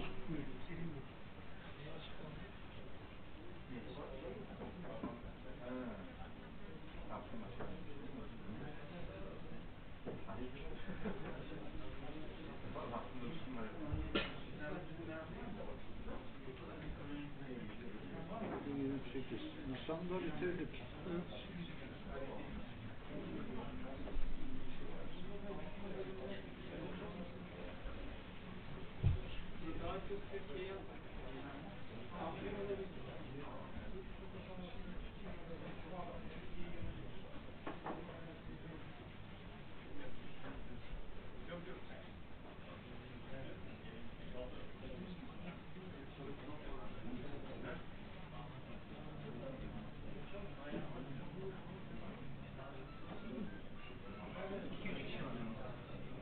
Siz başlayalım.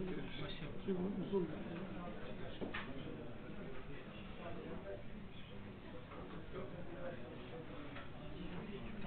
Estağfurullah. Estağfurullah. Tamam. Tamam. Şey vermiyor musunuz? Arkadaşlar, arkadaşlar akşamı eda ettik. Allah kabul etsin. Ee, Ben bir duyuruda bulunayım. Ee, Soru cevabın sonunda çıkışta hocamın kitapları var. Hocam dileyene kitapları imzalayacak. Ee, Soru cevaba geçmeden ben bir şey söyleyeyim. Hocam uzun bir ufuk turu yaptı. Bir takım ezberler bozdu. Biraz da paradigmalara dokundu bana göre. Ee, Bundan sonra soru cevaba geçebiliriz. Tabi bu konu çok uzun konu. Bana şey hatırlatıyor. Bunu Abdurrahman Dilipak Bey anlatmıştı. Diyor, Amerika'da bir yerde böyle bir e, bilgisayar gibi bir şey varmış. Herkes bir şey soruyor. İşte Türkiye diyor. Türkiye gibi bilgi veriyor. Herkese işte bir iki dakika ancak o bilgiler geliyormuş. Bizim vatandaşına biri gidiyor basıyor ne var ne yok. Herkes sıra bekliyor. Habire bilgi sayıyor. Bir türlü sonu gelmiyor. Hocamın konusu da biraz öyle bir konu ama umarım hocam daha özetleyecektir. Şimdi sorusunu sorusunu alabiliriz. Son saatimiz kaç? Hocam Kaçta e, bitireceğiz? e, açık. Açık. Yani sabaha kadar mı?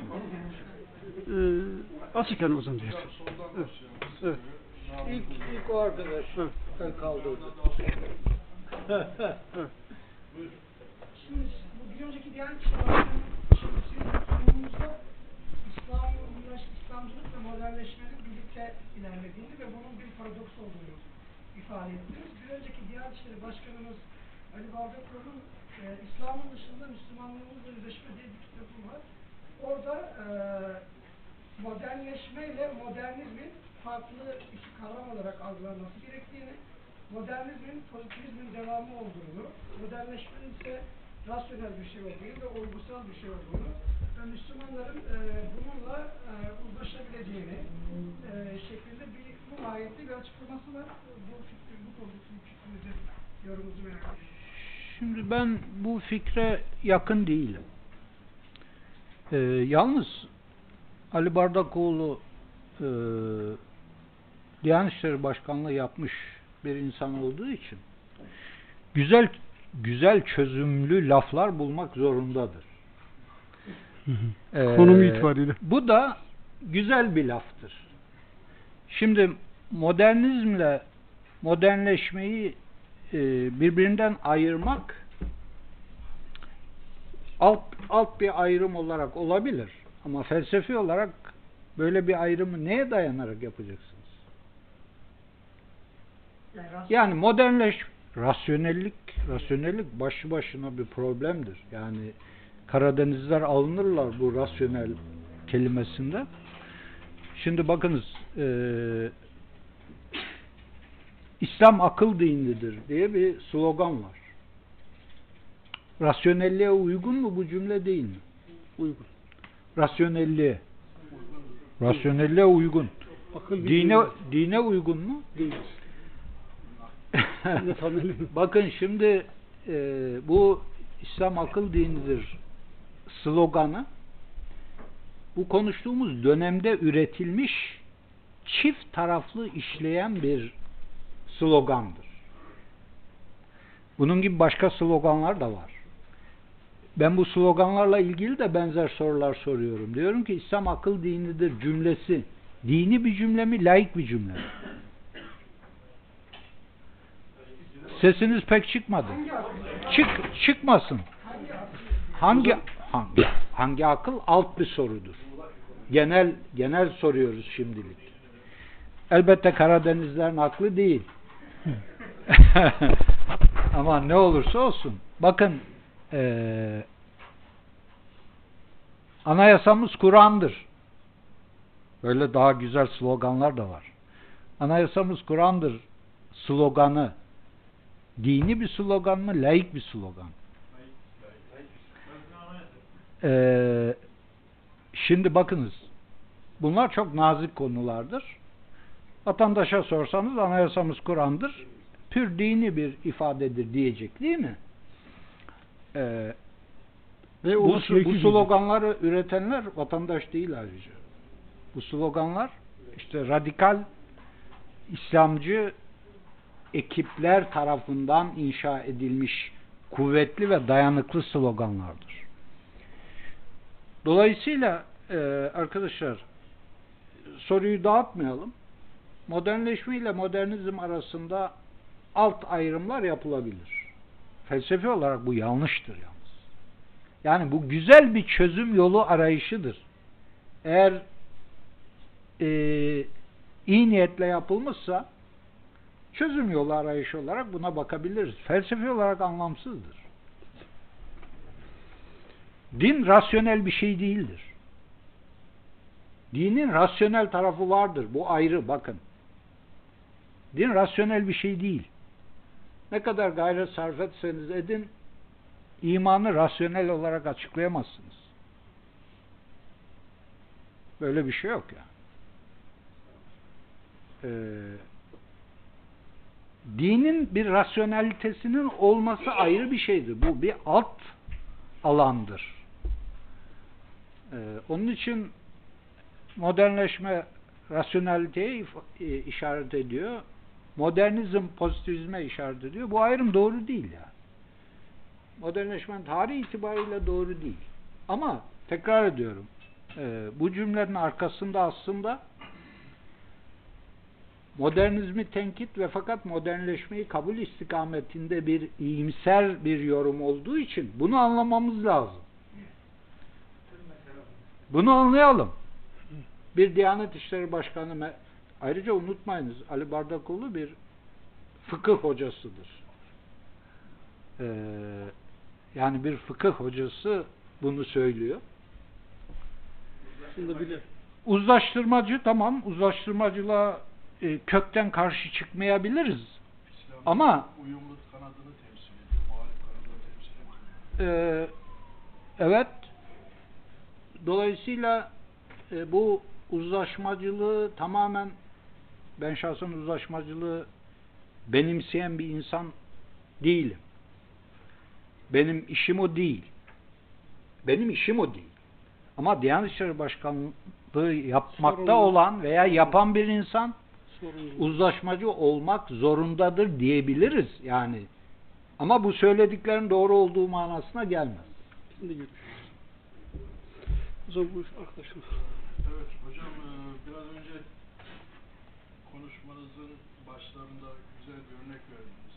Osmanlı Osmanlı Mebusan Meclisi'ni Türkiye Büyük Millet Meclisi ile karşılaştırırken Osmanlı Meclisi'nde dini motiflerin olmadığını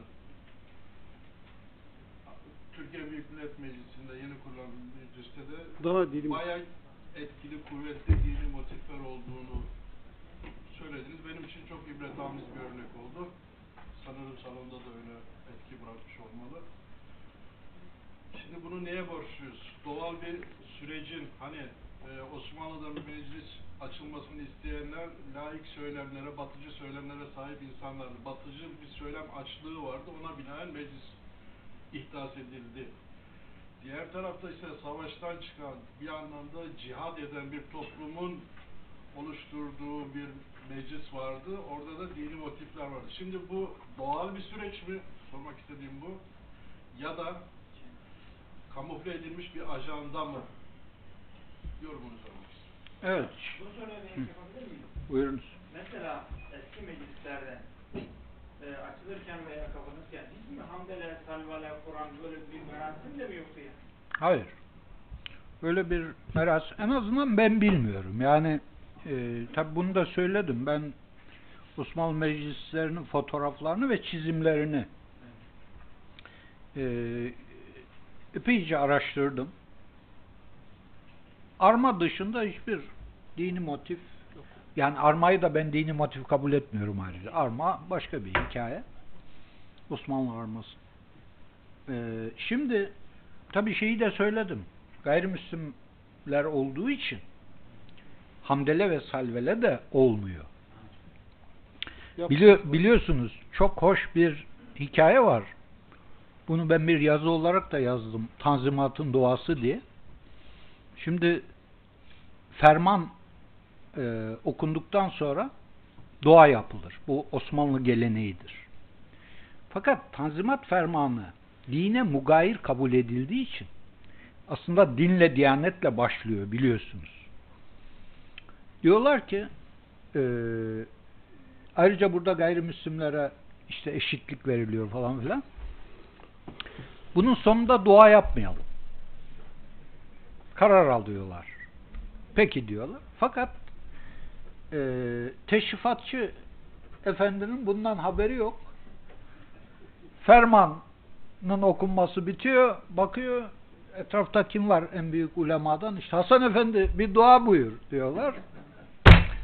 Tabii şeyler diyorlar ki, eyvah iş battı. Adam da kalkıyor tabii. Düşmanların, kafirlerin kahrı falan. Böyle normal eski usul bir dua yapıyor. Şimdi Vakanüvis bunu değerlendiriyor. Diyor ki işte sabaha kadar bir hat istifi üzerinde çalışırsınız. Sonra işte kuruması için rih dökeyim derken mürekkebi dökersiniz. Bu ona benzedi diyor. Ee, Dolayısıyla bu gayrimüslimlerin oluşunun getirdiği bir şey var. Ama bence meselenin tamamını açıklamaz. Ee, söylediğiniz doğru. Yani savaş savaş şartları e, ister istemez bir topluluğun en kuvvetli hissi damarlarını öne çıkarır. Türkiye'de de bu dindir. Başka bir şey değil. Bugün de öyledir. Ee, bugün de yani başka daha ne yapabilirsiniz? Dini e, açıklamalar ve argümanlar dışında. Sorunuzda şu var. Yani burada bir e, siyasi kullanım alanı var mı? Arkadaşlar siyaset her zaman dini kullanır. Bu size ağır gelebilir. Siyasetin dini kullanmadığı dönem yoktur. Siyaset yapar ya. Siyasette bu meşrudur. Biz dindar insanlar yapmaz.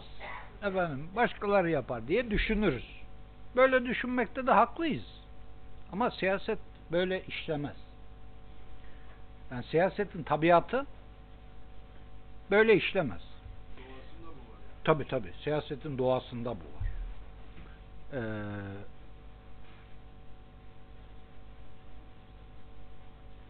fakat sizin sorunuza benim ekleyeceğim şey şu. Burada siyasetin bir kullanma arayışı elbette vardır. Fakat şu yoruma ben katılmıyorum. Ee, yaygın bir yorum vardır. İşte Cumhuriyeti kuran kadro aslında işte laik bir cumhuriyete geçmeyi başından aklına koymuştu. Fakat o şartlarda bunu yapamazdı. Zaman kolladı. Bu doğru değil. Bunu Kemalistler de söylüyor. Mütedeyin yorumcular da söylüyor. Bence bu doğru değil yani. Ee, 1924 sonrası Türkiye'ye dayatılmış bir şeydir. Bunu kurucu kadro biliyor yani. Ee, bu dayatmayı kabul etmeyebilir miydi? Bakın, bu yoruma açıktır. Çünkü Lozan'da Türk heyeti İstiklal Savaşı'nı kazanmış bir milletin heyeti olarak değil, Birinci Dünya Savaşı'nı kaybetmiş bir milletin temsilcisi olarak masaya kabul edildi. Efendim masayı devirip kalksalardı. Yani yani bu e, yapı Lozan, Lozan. Tabi. Ee, ha. Dolayısıyla burada e, yani Cumhuriyeti kuran kadronun eskiden beri kafasında böyle bir şey vardı. Zaman kolluyordu fikri. Bence bir kaçamak değerlendirmedir. Ben şahsen tabi bu bir yorumdur. Yani diğer yorumları bütünüyle reddetmiyorum. Ama benim yorumum bu değil. Ee, Türkiye dayatmayı kabul etmiştir. Başka türlü bir çıkar yol görmemiştir. Ee, başka bir çıkar yol var mıydı? Yani neydi acaba başka çıkar yol? Tezleri kabul etmeyeceksiniz. Fakat e, efendim müstakil, müstakil bir devlet olarak uluslararası camia sizi kabul edecek. Yani o günün şartlarında bu bir yorum tabi. Bu yorum açık yani. Arkadaşın sorusunu demiştiniz. Sor, sorunu yinele tabi. demiştiniz.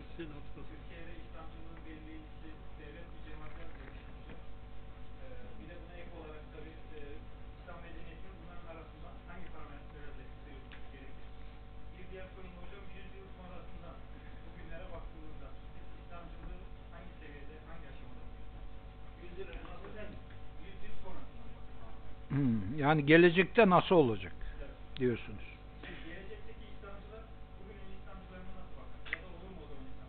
Hmm. Şimdi e, ikinci sorun tabi biraz kainliğe giriyor ama ilim ilim biraz da ilim biraz da tahmindir. Dolayısıyla e, gelecek için zaten ilim tahminde bulunur. Tahmin de bir hükümdür yani. Kehanet esprisi. Birinci sorundan başlayalım. Birinci soru daha mühim. Şimdi arkadaşlar Türkiye'de din meselesini e, din alanının üç önemli aktör kümesi var. Bir tane değil. Ve bunlar da bir küme. Yani tek bir kişiden müteşekkil değil. Bunlardan birincisi, bu üç kümeden biri Ankara'dır. siyasi merkezdir. Ee, siyasi merkez arkadaşlar konuşmamda da söyledim.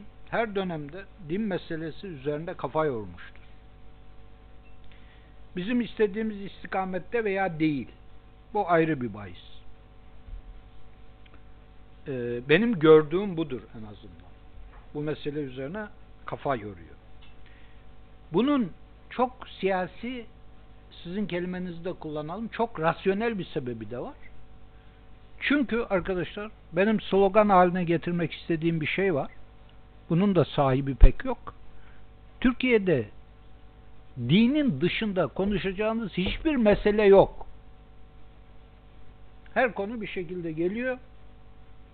Dinle irtibatlı hale geçiyor. Siyaset kendisi hangi fikirde olursa olsun bu kadar kuvvetli bir bölgeyi ihmal edemez. Onun için Ankara e, hem iç bir problem olarak hem dış bir problem olarak arkadaşlar bir de din alanının dış problemleri var. Bu dış problemlere biz Türkiye olarak Vehhabi isyanından beri muhatabız. Bakın tarih nereye gidiyor? Üç asır öncesine gidiyor. Vehhabilik hala Türkiye'de enteresan bir konumdadır. Ee, bu enter şöyle e, Vehhabilik arkadaşlar din anlayışı olarak Türkiye'ye intikal etmiştir aslında. Bu yeni Selefilik dediğiniz şey aslında Vehhabil meşrep bir din anlayışıdır. Hatta bunu biraz daha genişletebiliriz. Aramızda yabancı yok nasıl olsa. Ee, Diyanetinin din anlayışı, İmam okulları ve ilahiyat fakültelerinin din anlayışı Vehhabil meşrep bir din anlayışına çok yakındır. Ve fakat ayrıl. İstanbul Ankara'ya yakınlaşmak için de çabalar sarf ediyor. Bakın biraz önce e, arkadaşımızın sözünü aktardığı hocamız Ankara İlahiyat Fakülteli değil. Yüksek İslam Enstitüsü mezunudur. Eee bu konuya girelim mi bilmiyorum. Ankara İlahiyat Fakültesi ile diğerleri arasındaki şey İslam anlayışından dolayı değil, İslam'ı yaşama oranlarıyla alakalıdır. Yüksek İslam Enstitüleri sonradan İlahiyat Fakültesi olanların dini hayatları e, işte siyasi merkeze yakınlıkları biraz daha mesafelidir. Din anlayışları bu kadar mesafeli değildir. Din anlayışlarını teknik bir analize tabi tutarsanız bunların birbirine çok yakın olduğunu görürsünüz. Bunu size bir mütehassıs olarak söylüyorum yani. Ee, bu meselelerle yıllardır uğraşan biri olarak söylüyorum. Siz yüksek lisans mezunu musunuz hocam? Marmara İlahiyat mezunusunuz. Biraz kendinizi kurtarmaya çalışıyorsunuz. ben de oradan mezunum. Recep Hoca ile beraber biz oradan 77 mezunuyuz. Yani ben de kendimi savunmak isterim. Ama hakikat bizden yukarıdadır. Ee, bunu görmek lazım yani. Onun için Vehhabiül meşrep din anlayışı aslında okumuş yazmışların e, din anlayışlarıyla çok iç içe geçmiştir. Size bir şey anlatayım. Aslında iki şey anlatayım bu vesileyle. Siyasi yasaklar kalktığı zaman 1986 sonrası Ensar Vakfı siyasi liderleri davet etti. Ee, bilmiyorum içinizde bunlara katılan var mı? Dar toplantılardı. Ben de çağırdılar her seferinde. Ben de hepsine gittim. Gittiklerimden biri de Bülent Ecevit'ti. Bülent Ecevit 12 Eylül'den önce Ensar Vakfı gibi bir kurumun toplantısına gelir miydi? Gelmez. Tabi. Bakın işler ne kadar değişti. Bülent Ecevit de geldi. O zaman sıhhatliydi de tabi son son zamandaki gibi değil. Toplantıya katılan arkadaşlardan biri şöyle bir soru sordu. İşte Sayın Bülent Ecevit siz e, başbakanlık yapmış tecrübeli bir insansınız. Diyanet İşleri Başkanlığı'nın devlet çatısı altından çıkarılmasına nasıl bakarsınız? Bunu doğru bulur musunuz? Soru bu. Yok. Bülent Ecevit'in cevabı. Suudi Arabistan Türkiye'ye din empoze etmekten vazgeçsin, biz de Diyaneti devletin çatısı altından çıkaralım. Ben dedim ki bundan adam olmaz. Yani baş, başbakanlık yapmış bir adam yani Suudi Arabistan kimdir de Türkiye'ye din empoze edecek? diye düşünmesi gerekmez mi yani? Laik Atatürkçü efendim e, Robert Kolej mezunu bir başbakan. Tabi bir değerlendirmem buydu. Aynı zamanda dedim ki bu bunu eğer devlet algısı olarak mütalaa ederseniz Türkiye'deki din anlayışının dışarının tehdidi altında olduğunu düşünüyor. Bu İran hadisesi dolayısıyla daha fazla böyle oldu. Bununla ilgili de çok enteresan bir e, anekdot var. E, Mehmet Ali Birant 32. günün ilk başarılı zamanları o yıllarda İran Dışişleri Bakanı olan Ali Ekber Velayeti konuk etti. Ali Ekber Velayeti başarılı bir Dışişleri Bakanıydı ve tabiptir kendisi. Ali Ekber Velayeti e, Mehmet Ali Brandt'ın sorduğu soru şu. Ekselans e, bu devrimi Türkiye'ye ihraç etmekten e, Türkiye'ye din ihraç etmekten ne zaman vazgeçeceksiniz? Ali Ekber Velayeti tabi anasının gözü biri e, tebessüm etti. Dedi ki Türkiye e, bin yıldır Müslümandır. Başka bir ülkeden kendisine din empoze edilmesine ihtiyacı yoktur dedi. Mehmet Ali Brandt tabi çok bozuldu. Bir şeyler bir şey. Arkadaşlar yıllar sonra bu başörtüsü hadiseler olduğu zaman Demirel Cumhurbaşkanıydı. Söylediği sözü siz de hat- hepiniz hatırlarsınız. İşte başörtü, başörtülü e, efendim okumak isteyenler Suudi Arabistan'a gitsin. Ya nereden çıktı yani? Niçin Suudi Arabistan?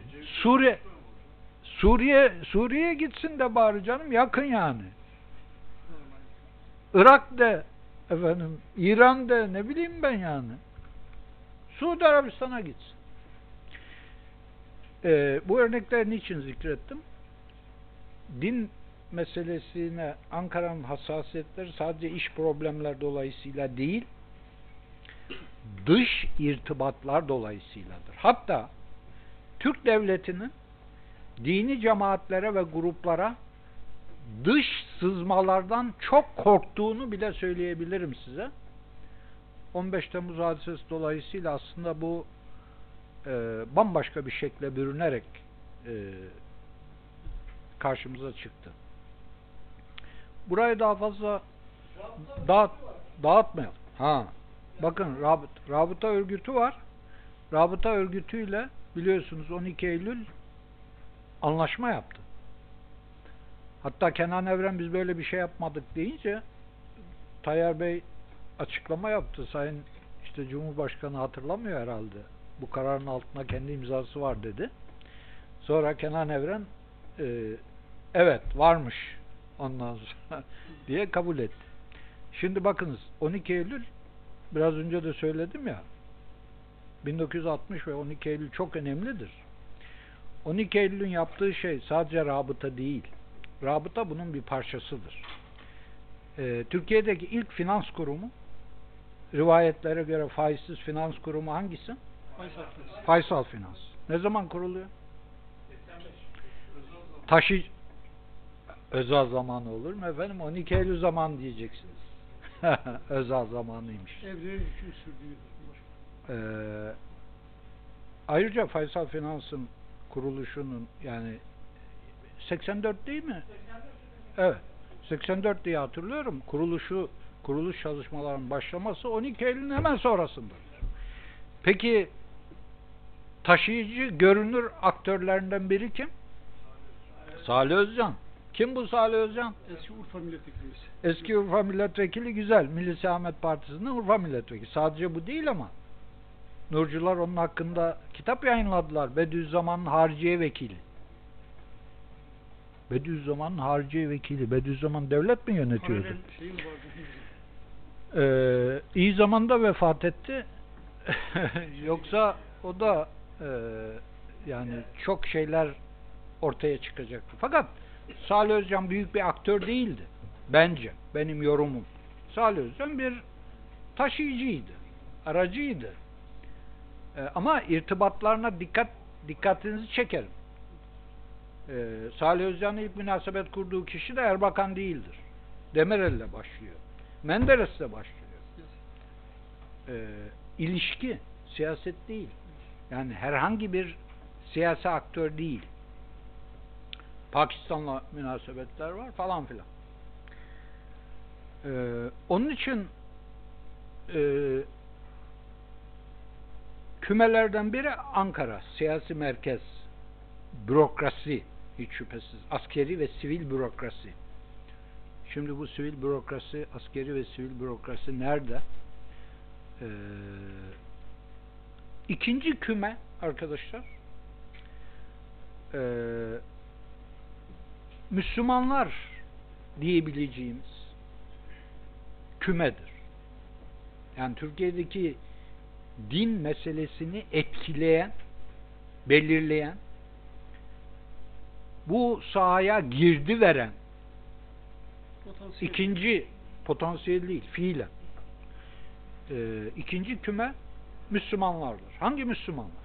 Şimdi bakın cemaat ve tarikatlar hiç şüphesiz İslamcılar hiç şüphesiz yani Ee, vatandaş sıradan Müslüman vatandaş sıradan kelimesini küçümsemek için söylemiyorum. Vasfı yok. Dolayısıyla cami cemaat. Yani hazır bir kısa var diyebiliriz o zaman. Ee, şimdi hazır bir kıta ama marş marş dediğin zaman bunlar bunlar o kadar asker gibi yürümez. Yani Ama Türk bekliyor yani. Türk vata, Türk vatandaşının çok enteresan bir eee, anlama tarzı vardır. Biz eğitim almış insanlar vatandaşı küçümseriz. Dindar insanlar da vatandaşı küçümserler. Vatandaşın din anlayışını da küçümserler maalesef. Ee, Türkiye'de yaşayan insanların çok enteresan bir anlayış seviyeleri vardır. Bu en çok seçimlerde belli olur. İrfan diyoruz değil mi? İrf, irfan, irfan, hayır bu insanların çoğu irfan kelimesinin içine sığmaz aslında. İrfanla alakası yok. Ama bir şey devralmış yani. Genetiğinde bir şeyler var. Var. İrfan hocam tahsilli olur. İrfan tahsilsiz olmaz. Hani ilmi yok, irfanı var diyoruz diyoruz zaman. Ee, yok. İrfan da tahsilli olur. Yani orada ilmi yok, irfanı var. Anlayışı var diyoruz. Evet. Türk insanda bir anlayış var. Böyle tek tek baktığın zaman bundan bir şey olmaz diyorsun ama öyle değil yani. Türkiye'de bir insan unsuru yaşıyor. Enteresan bir insan unsuru. Ben şahsen bunu çok önemsiyorum. Talebelik yıllarımızda biz de e, işte İmam birinci sınıfa gitmeye başladık. Anne babamızın din anlayışını tenkit etmeye başladık aynı zamanda. E, böyledir bu iş. Sonra bunun bunun çok problemli bir şey olduğunu e, fark ettim ben. Tabii bi- siz de fark etmişsinizdir. E, yani elhamdülillah Müslümanım diyen insandan işte şeriat istiyorum diyen insana kadar bütün bu Müslümanlıkla irtibatlı olan kişilerin Türkiye'deki din meselesine aktif girdileri vardır. Ee, bir örnek vereyim size özellikle genç arkadaşlar için. Yaşları bana yakın olanlar bunu bilirler. Arkadaşlar 80 öncesine kadar 80'e kadar 80'lere kadar Türkiye'nin şehirlerini, kasabalarını, köylerini camilerle donatan insanlar bu insanlardır. Zenginler, tahsilli olanlar falan filan değildir. Zengin yoktu zaten. Zengin yoktu yani. Ben 1969-73 yıllarında İstanbul İmam Hatip Okulu'nda okudum. Ee, Ramazan iftarları doldurulamazdı. 15'inden sonra 3-4 kişi bir iftar verebilirdi yani. Yoktu. İşte Ülk, Ülker verirdi, Koç verirdi, Sabancı verirdi. Onlar da verirdi yani. Biz epeyce Koç iftarı yedik. Yüksek İslam Enstitüsü'ne gitmedim ama. Hocayken de gitmedim. Koç'un iftarına gitmedim. Ama İmam Hatip'te çok ayrıca en güzel iftardı onlar verirdi yani. İlim Yayman'ın iftarından ne olur? O zaman. ee, İmam Hatip okullarını bu insanlar yapmıştır. Yani bunlar öyle İslamcı, şeriatçı falan değildi yani. Vatandaş. Bunun bilinmesi lazım. Ee, biz şimdi böyle kategoriler yapıyoruz. Efendim işte şuurlu Müslüman. Ne demekse bu şuurlu Müslüman. Biraz Vehhabil meşrep demek herhalde. ee, burada biraz daha bu Vehhabil meşrep espri tabi. Burada biraz daha hassas ölçüler kullanmak lazım. Üçüncü küme arkadaşlar uluslararası çevrelerdir. Uluslararası çevreler Türkiye ile daha fazla olmak üzere İslam dünyasında din meseleleriyle çok ciddi olarak uğraşırlar. Çok ciddi olarak. Size şunu söyleyebilirim. Yabancı ülkelerin akademik çevreleri Türk akademik çevrelerinden çok daha fazla Türkiye'deki din meseleleriyle uğraşmışlardır. Bu yüz kızartıcı bir şeydir. Bizim için. Bizim için de yani. Sadece öyle efendim Kemalist, laik falan filan adamlar için değil. Suçu öyle başkalarına atarak e, kendimizi kurtarmayalım. Fransa'da Alevilik çalışmalarının 100 yıllık tarihi var. Biz yeni yani o da soğuk savaş bitti de mecburen Alevilikle uğraşmaya başladık.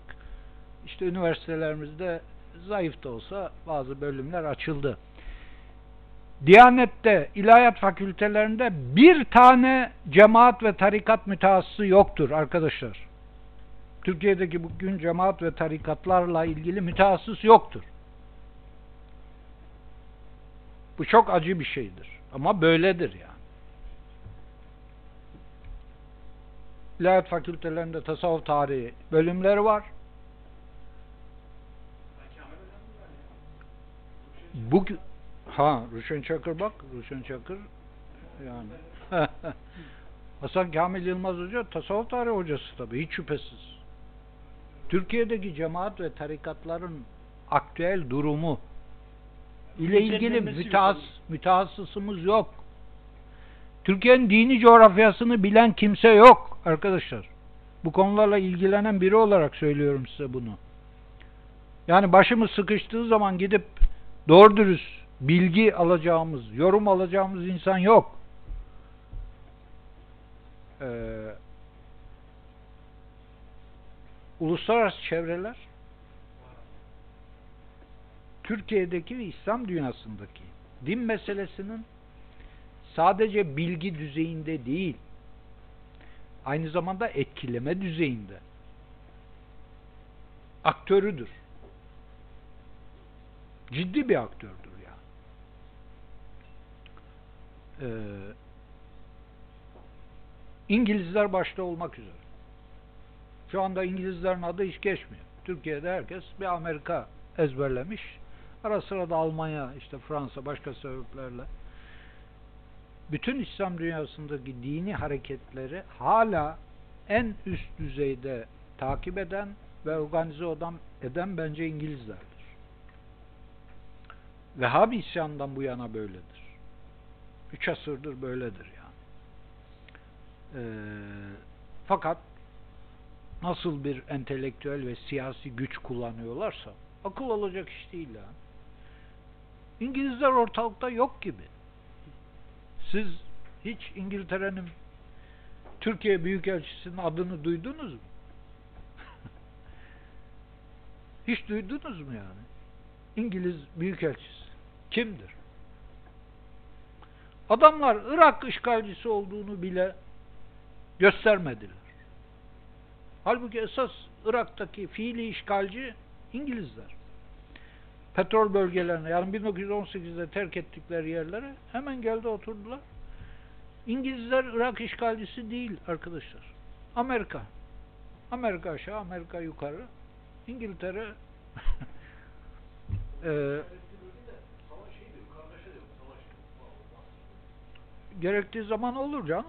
Yani e, diyorum ki nasıl bir siyasi ve entelektüel güç kullanıyor ki işte dünya bir köy oldu. Efendim tuşa basıyorsun her şeyi öğreniyorsun. Hiç alakası yok. Bu bir aldatmacadan başka bir şey değil yani. Bu bir aldatmacadır. Dünya bir köy olmuş. Tuşa basınca her şeyi öğreniyor musun? Niye İngilizler ne yaptığını öğrenemiyorsun? Yani Türkiye'de mesela dini hareketler üzerinde İngilizlerin etkisi konusunda iki cümle, üç cümle kuracak kimse var mı?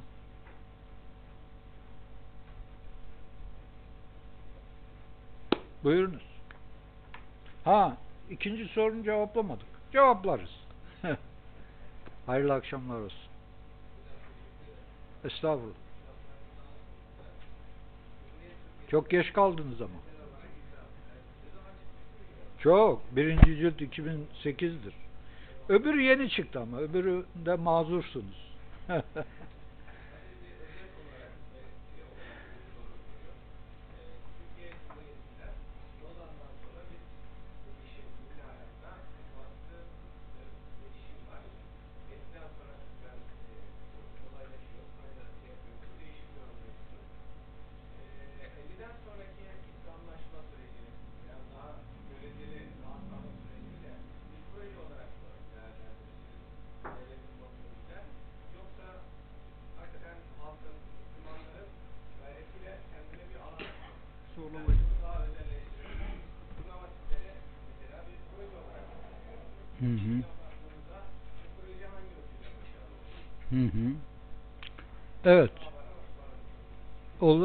Nasıl isterseniz. Peki. Vakit kalırsa. Şimdi e, aziz kardeşim e, arkadaşımızın sorusuna verdiğim cevap bu soru için de geçerlidir. Ben Türkiye'yi ve Türkiye'de yaşayan Müslümanları bu konularda pasif konumda görmem. Yani bu konuda Türkiye'deki Müslümanların e, Müslümanlar da kademe kademe Müslümanlar var. İslami endişe sahipleri var. Dini gruplar var. Dini siyasi gruplar var. Cemaatler ve tarikatlar var. Bakın bunlar hepsini Müslümanlar diye bir torbanın içine koyuyoruz ama bir meseleye yaklaşırken bunları biraz biraz daha farklı yerlere konumlandırmamız lazım. Değil mi? Ama genel olarak bir değerlendirme yaparsak ben bunların pasif konumda olduğunu düşünmüyorum. Ee, hatta şunu söylüyorum ben. İmam Hatip okulları bir proje olarak ortaya çıkmış olabilir. Bunu Türk halkı Türk halkının müdahalesi dönüştürdü. Dönüştürme de bir projedir. Hatta bilmiyorum siz espri kabul edebilirsiniz. Ben diyorum ki bunu yazdım da yani. Erbakan aslında Adalet Partisi'nin biraz daha yeşili fazla bir parti kurmak istiyordu. milli selamet çizgisini daha e, efendim İslami bir çizgiye doğru iten Türk halkıdır. Talepler mi? Sadece talepler değil. Yani Erbakan uyandırdığı şeyi sonradan Erbakan takip etmek zorunda kalmıştır. Buna dikkat etmek lazım. Yani e, tabi bilmiyorum içinizde Erbakan'a halife olarak bakan var mı? Yani halifeye yakışmaz böyle şeyler. Eee şimdi bakınız birileri işte orada da şey görebilir. Ama burada Türkiye'deki Müslümanlığın bu topraklardaki Müslümanlığın aktif bir unsur olarak değiştirici ve dönüştürücü bir karakteri var. Bunu hesaba katmak lazım. Ama bu öbür aktörleri görmeme körlüğüne bizi itmemesi lazım. Dolayısıyla tekrar ediyorum yani eğitimli insanlar için bu işle e, biraz daha üst düzeyde uğraşan insanlar için e, meselelere meselelere fark ha ama bu çarşaflı değil boneli yani ha resmi bir toplantıda evet bu ne nasıl bir başlık var? Şey bu dünya. Sisi'nin eşi. Ha ilk kez objektif. Evet. Ee, dolayısıyla e, yani proje kısmı olabilir. Ama e, burada e, sadece proje üzerinde meseleyi açıklamak bence buraya giren diğer girdileri küçümsemek manasına gelir. Ayrıca neyin proje olduğunu biz tam bilemeyebiliriz. Bilemeyiz yani. Tahminde bulunabiliriz. Neyin proje olduğunu çünkü burada proje biraz olumsuz kullanıyorsunuz bunu değil mi? Bunu biz yüzde yüz bilemeyiz. Tah neye dönüşeceğini de bilemeyiz. Ama dönüşümü takip edebiliriz. Ve buradaki aktörleri takip edebiliriz.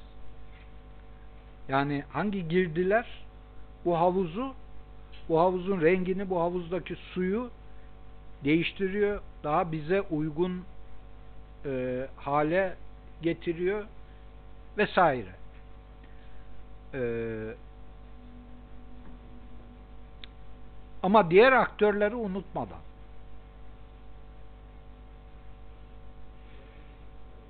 Arkadaşımız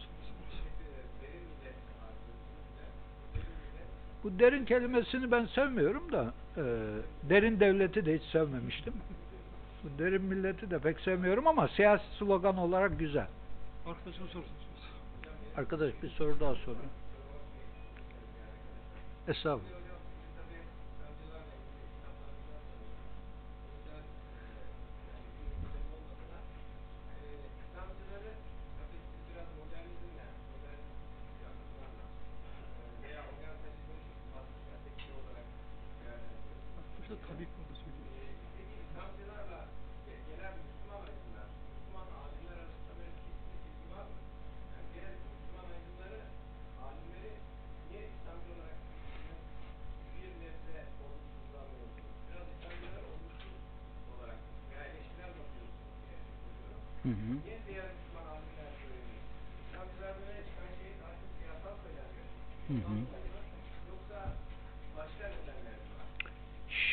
Yok böyle dursun.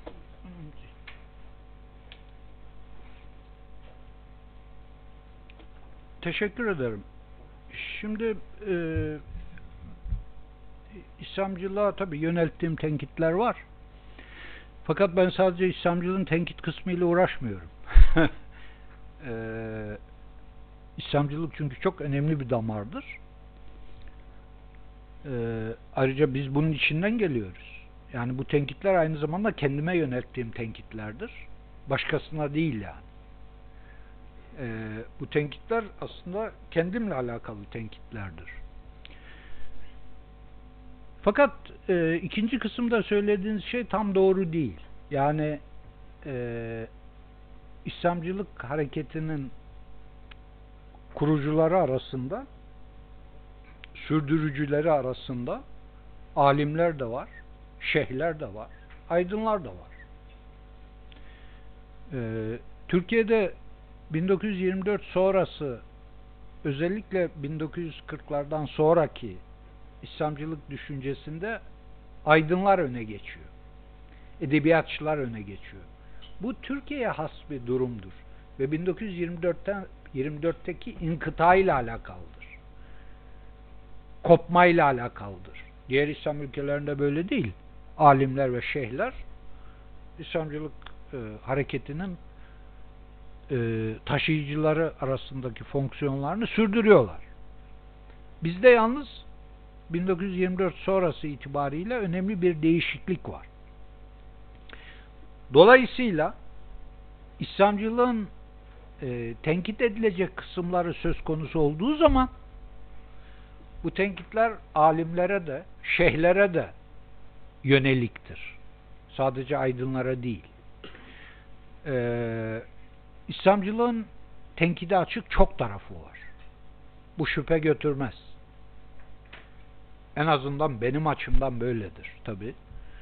Ee, ama yine e, bana dönük bir soru sorduğunuz için tenkide konu olmak demek değerli bir şeyin varlığına işaretidir. Tenkit bu demektir zaten. Tenkit karalamak demek değil. Tenkit bir meseleyi bir yukarıya çıkarmak demektir. Yani bir yukarıya çıkaracaksınız. Bir yukarıya çıkardığınız zaman aşağıdaki problemleri daha fazla göreceksiniz. Yoksa tenkidi karalama e, devre dışı bırakma olarak en azından benim öyle düşünmediğimi e, söyleyebilirim. Yalnız tekrar etmeme müsaade edin. E, İslamcılık hareketi bütün bu modernleşme süreçlerinden ciddi şekilde etkilenmiş bir hareket olduğu için tenkitsiz yoluna devam edemez. Keşke daha çok tenkite muhatap olsa. Bu onun kötü olduğunu göstermez yani. Eksik, nakıs, kötü taraflarının da olduğunu, olabileceğini gösterir. Ve bence de böyledir zaten. Ee, onun için elbette tenkit olacak yani.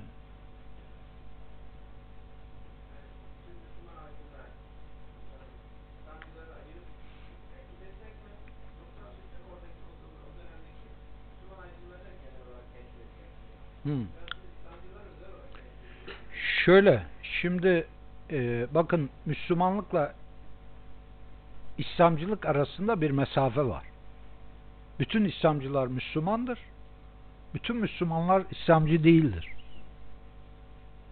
Bu mümkün de değildir. Olamaz da. Türkiye'de bütün Müslümanlar İslamcı mı?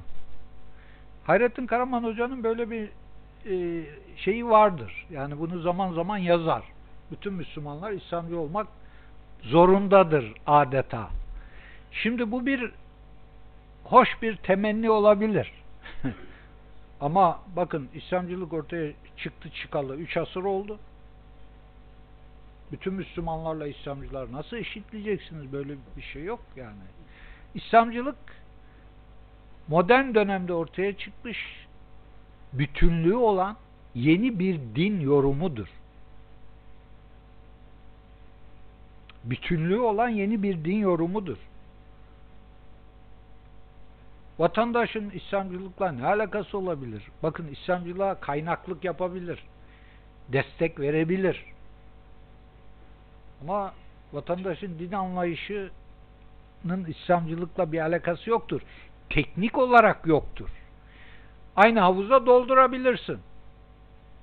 Ama teknik olarak bir analiz yaptığın zaman bütün Müslümanları İslamcı olarak kabul ederek yolumuza devam edemeyiz yani. Bunun üzerinden bir analiz yapamayız. Ee, onun için analiz dediğimiz şey zaten hepinizin çok iyi bildiği gibi. Yani unsurları ayıracaksınız, e, efendim mukayese edeceksiniz. Ondan sonra tabii bir terkibe de gideceksiniz. Gidebilir. Yalnız çok soru hakkını aldınız. Ee, herkesin soru, e, hocam dördüncü soru oldu sizin yalnız değil mi? Burada keselim. Arkadaşımın sorusu vardı. Hocam başta e, Türkiye hem modernleşiyor hem dindarlaşıyor dediniz. E, ben de bunu katılıyorum. Yalnız e, yitik bir dindarlaşma var mı? Ben onu merak ediyorum. Yitiklikten kastım şu, sadece namaz kılar, oruç tutar, bugün ne yaptım diyeyim de bir beş vakit namaz kıldım ya daha ne yapacağım? Diğerlerin haricinde, üretimde, sosyal hayatta, ondan sonra bilimde olan bir dindarlaşma var mı yani? Bunları da yaşayabilen bir dindarlaşma var mı? İkinci soru, ee, şu an ilişkiye e, orada e, abone işlemleri yapmak için dört yıl fakülte mezunu eleman alınırken bu çok e, hasbelkader imam fakültesini bitiren bari bir şeye kazanamadıysa bari imam olsun denilen e, durumu doğru buluyor musunuz? Bunu ediyorum. Kaç ilahiyat fakültesi mezunu olmaları gerektiğini düşünüyorum ben. Ona göre. E, şimdi Son artık beş zaten. Ha son 5 dakikamız. Güzel. Ee, şimdi e, artık sadece İmam Hatip mezunları imam olamıyor artık. En az 2 yıllık şey olması lazım da şimdi artık işler çok karıştı.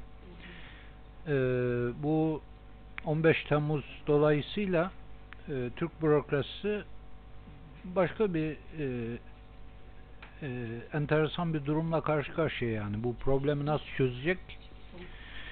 Ee, bakacağız. O zaman özel anons yapmamız gerekir. 34 DG 4632 arabanın çekilmesi gerekiyor.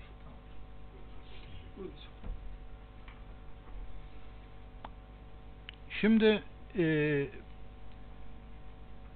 modernleşiyoruz, dindarlaşıyoruz. Bu bir vaka diyorsunuz. Fakat dindarlaşmanın vasıfsız olduğunu e, söylüyorsunuz. Yeterince vasıflı olmadığını düşünüyorsunuz. Buna katılabilirim ben. Ama burada bitmemeli bu bu tartışma. Vasıf derken neyi kastediyorsunuz? Bakınız şimdi bir eee cemaat ve tarikat mensubuna sorsanız vasıf dediğiniz zaman birinci sıraya çıkaracağı şey sizin biraz küçümsediğiniz işte beş vakit namaz, oruç küçümse Af, tabi tabi yani namazı küçümsediğinizi söylemiyorum. Haşa elbette. Eee, fakat yani bunu çok rahat kullandınız. Halbuki eee, bazı Müslüman yapılar için birinci vasıf olarak bunu zikredebilir. Ve bunu ve bunu anlamak lazım yani. Efendim?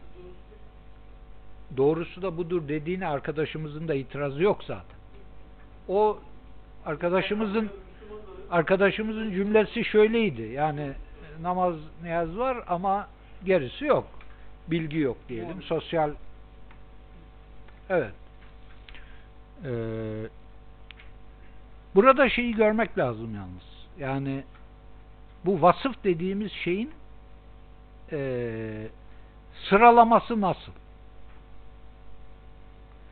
Yani burada vasıf dediğiniz şeyin birinci sırasına mesela bilgili olmayı mı çıkarıyorsunuz? Dürüst, ha bambaşka bir şey bakın. Dürüst olmak bilgiyle doğrudan alakalı değil. Biraz alakalı tabi.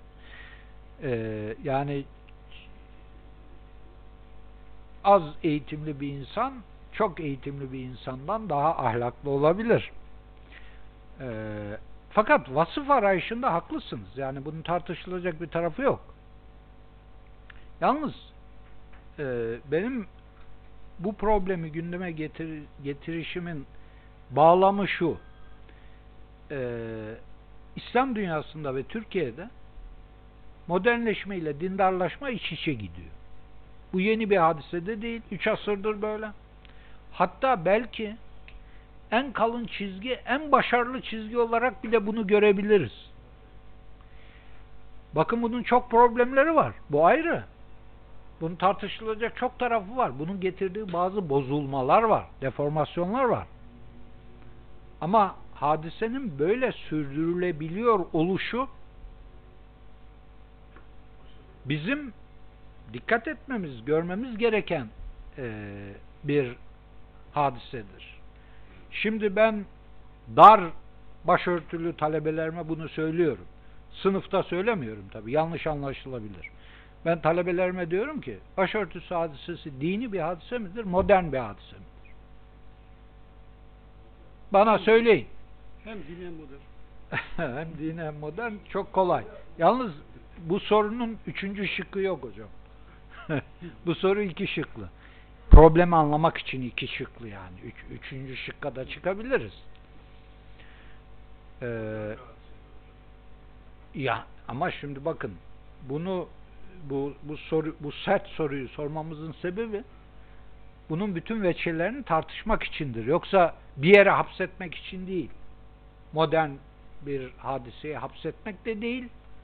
Bunu işte e, ortaya çıkardığı problemlerden tamamen uzak olarak e, işte dini, pür dini bir hadise olarak e, ele almak da tekrar ediyorum vatandaş için değil. Vatandaşa bu soruyu sormak hem abestir hem haksızlıktır. Vatandaşa bu soru sorulur mu? Ama bizim bunu tartışmamız lazım. Yani e, benim arşivimde e, yani birkaç cilt kitap olacak kadar şey var. e, efendim işte başörtü defileleri, reklamları, katalogları falan var yani. Ha. Ama dini bir hadise aynı zamanda. Başörtüsün dini bir hadise olmadığı söylenebilir mi yani? Hele Türkiye'deki mücadelesi söz konusu olduğu zaman. Ee, bir gün size bu konuda bir seminer vereyim. Hem de fotoğraflı. Şule Yüksel Şenler'in sergiden kimse bir şey anlamaz yalnız. Benim anlatmam lazım. Hocam saati doldurduk. Son bir soru alalım isterseniz. Hocam, e, benimki biraz teknik ve spesifik bir soru. E, tamam. Osmanlı'da özellikle, yani tabii daha geçmişi var da özellikle Osmanlı'da e, İslamcılık üzerinde çalıştığınız çok arşivleri biliyorsunuz, gördünüz. E, medreseler ile e, tarikat ve e, arasındaki ilişki de e, tarikatlerin çocuk eğitimi ile ilgilenme ve yaş sınırları, tarikatlerle devlet arasındaki ilişki, medreseler ile e, tarikatlar arasındaki ilişki, e, geçmişi alim ama sonradan e, el almış, tarikat e, ve biraz mesafe almış ve tekkesi var ama aynı zamanda medreseleri de olan gruplar var. Burada tarikatla medrese eğitiminin e, ilişkisi nasıl ve özellikle yaş bağlamında bir ilişkisi var mı? Yani e, bir kademe, bir kategori e, var mı? Önceliklilik açısından e, soruyorum. Böyle bir şey fark ettiğinizi gördünüz? E, bu büyük bir soru tabi. E, müstakil olarak konuşulması lazım ama bazı şeyler söyleyelim. Şimdi Selçuklu ve Osmanlı tecrübesi medreselerle tarikatlar arasında ilişkilerin kurulduğu bir dönemden sonra yaşanmıştır. Yani 11. ve 12. yüzyılda ki 12. yüzyıl bugün bildiğimiz tarikatların kuruluş asrıdır. 11, 12. asır. Ee, medreselerle tekkeler veya İslami ilimlerle tasavvuf arasında geçişkenlikler kurulmuştu. Selçuklular ve Osmanlılar bunu sürdürdüler ve geliştirdiler. Ee, onun için sizin söylediğiniz çok doğrudur. Birçok alim aynı zamanda sufidir. Birçok sufi aynı zamanda alimdir. Bakın Halidi Nakşiliği bunu biraz daha mübalağalı hale getirmiştir. Halidi Nakşi şeyhlerinin neredeyse tamamı medreselidir. Neredeyse tamamı. Bu normal değil yalnız. Bu biraz modernleş. Hayır hayır. Bütün bütün Osmanlı toprakları. Tillo Tillo istisnai bir örnek. İmam Rabbani Halidi Nakşisi değil yalnız. İmam Rabbani dönemi Müceddidi Nakşiliği ayrıdır. Bu e, Halidi Nakşilik biliyorsunuz 19 evet 19. yüzyıl yani 19. ve 20. yüzyıl. Cumhuriyet döneminde bu da dağılacak. Bakınız e, Mehmet Zahid Kotku tipik bir müderris değildir. Sami Efendi hiç müderris değildir. Mahmud Efendi of usulü müderristir. Ee, ama bunların hepsi Halidi Nakşiliği Ali Haydar Efendi o müderris hocam. Şeyh aynı zamanda. Tabi o işte geleneksel Halidi e, çizginin temsilcilerinden. Bunlar hem müderristir hem şeyhtir. Şimdi yalnız e, Selçuklu ve Osmanlı tecrübesinde tasavvufla medreseler büyük ölçüde iç içedir diyoruz ama bu iş içelik arkadaşlar kültürel bir şeydir. Yoksa tasavvufun metodolojisiyle dini ilimlerin metodolojisi aynı değildir. Çünkü birinde keşf, ilham, rüya esastır. 15 Temmuz dolayısıyla rüya din dışı bir şey oldu. Akıl alacak iş değil. bu 15 Temmuz'un en çok bozduğu alanlardan biri bu. Ee, dini ilimler ise arkadaşımız gitti gerçi ama tırnak içerisinde bir rasyonalitesi olan ilimlerdir. Bu mesele çok nazik bir meseledir. Ben talebelere e, şu tür örnekler veriyorum. E, bizi talebe yerine koydu demezseniz bu örnekleri örnekler üzerine konuşalım diye söylüyorum. Şimdi arkadaşlar İmam-ı Azam'ın e, mütehassıs olduğu saha hangisidir? Fıkıh, hukuk. Değil mi? Aslında başka sahalarda da mütehassıs da yani özellikle mezhep kurucusu fıkıh, hukuk dalında. Şimdi İmam-ı Azam menkıbelerinde benim de çok e, beğendiğim kelimesini kullanmam doğru mu bilmiyorum. Bir etkilendiğim, hala çok önemsediğim bir hadise var. İmam-ı Azam menakımında anlatılır. Bir gece evine doğru giderken sokakta bir delikanlıyla bir kızı kötü bir durumda görüyor. Sırtındaki abayı çıkarıyor, cübbeyi. Zavallıların örtünecek bir şeyi bile yok deyip üzerlerine atıyor. İmam-ı Azam'a yakıştırır mısınız bunu? Bu peygamber peygamberane bir şey arkadaşlar. Müthiş ya. Ayrıca örtmesi çok önemli. Yani buradaki örtmek müthiş ya. Şimdi soru şu. Ertesi gün İmam-ı Azam evinde oturuyor. Bu konu bir fetva meselesi olarak önüne geliyor. Veya hakim koltuğunda, kadı koltuğunda. Bu mesele bir yargı konusu olarak önüne geliyor. İmam-ı Azam ne yapacak? Akşam davrandığı gibi davranabilir mi?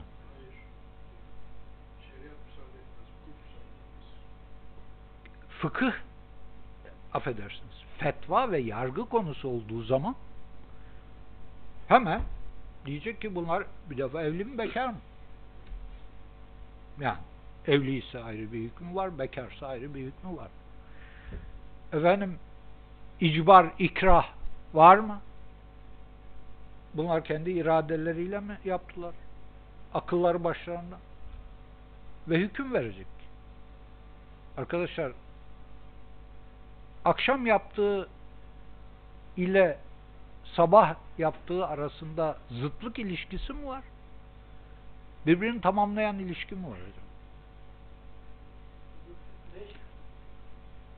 Şimdi bakınız, e, niçin niçin böyle? Birinde fıkhın ölçüleri konuşuyor. Birinde diyelim ki ahlakın ve tasavvufun ölçüleri konuşuyor. İki ölçü de kendi içinde doğru. Fakat müftü ve kadı koltuğunda otururken öbürünü işletemez. Maslahat. Ebu Suud, Ebu Suud bir derviştir. Türkiye'de de başka yerlerde de tasavvuf çevreleri Ebu Suud'u sevmez. Niçin? Melamilerin öldürülmesine fetva vermiştir. Şimdi Ebu Suud Şeyhülislam aynı zamanda bir yargıç önüne bir mesele geliyor. Mesele şu. Bazı dervişler, melami dervişleri haşa ben Allah'ım diyorlar. Bunun hükmü nedir? Ne diyecek? Yani başka soru şu. Akşam bir sohbet bir tekkede bu soru kendisine sorulsaydı Ebu Suud katilleri vaciptir fetvasını mı söyleyecekti acaba? Acaba? Yani bir sürü yorumu var. Ayrı şey de diyebilir. Hakikatin ta kendisi değil mi bu? diyebilir yani. Tasavvuf Esas soru üçüncü kişiler hangisine itibar edecek değil mi? esas soru hangi üçüncü kişiler ama? Biz. Vatandaş. Sen vatandaş değilsin.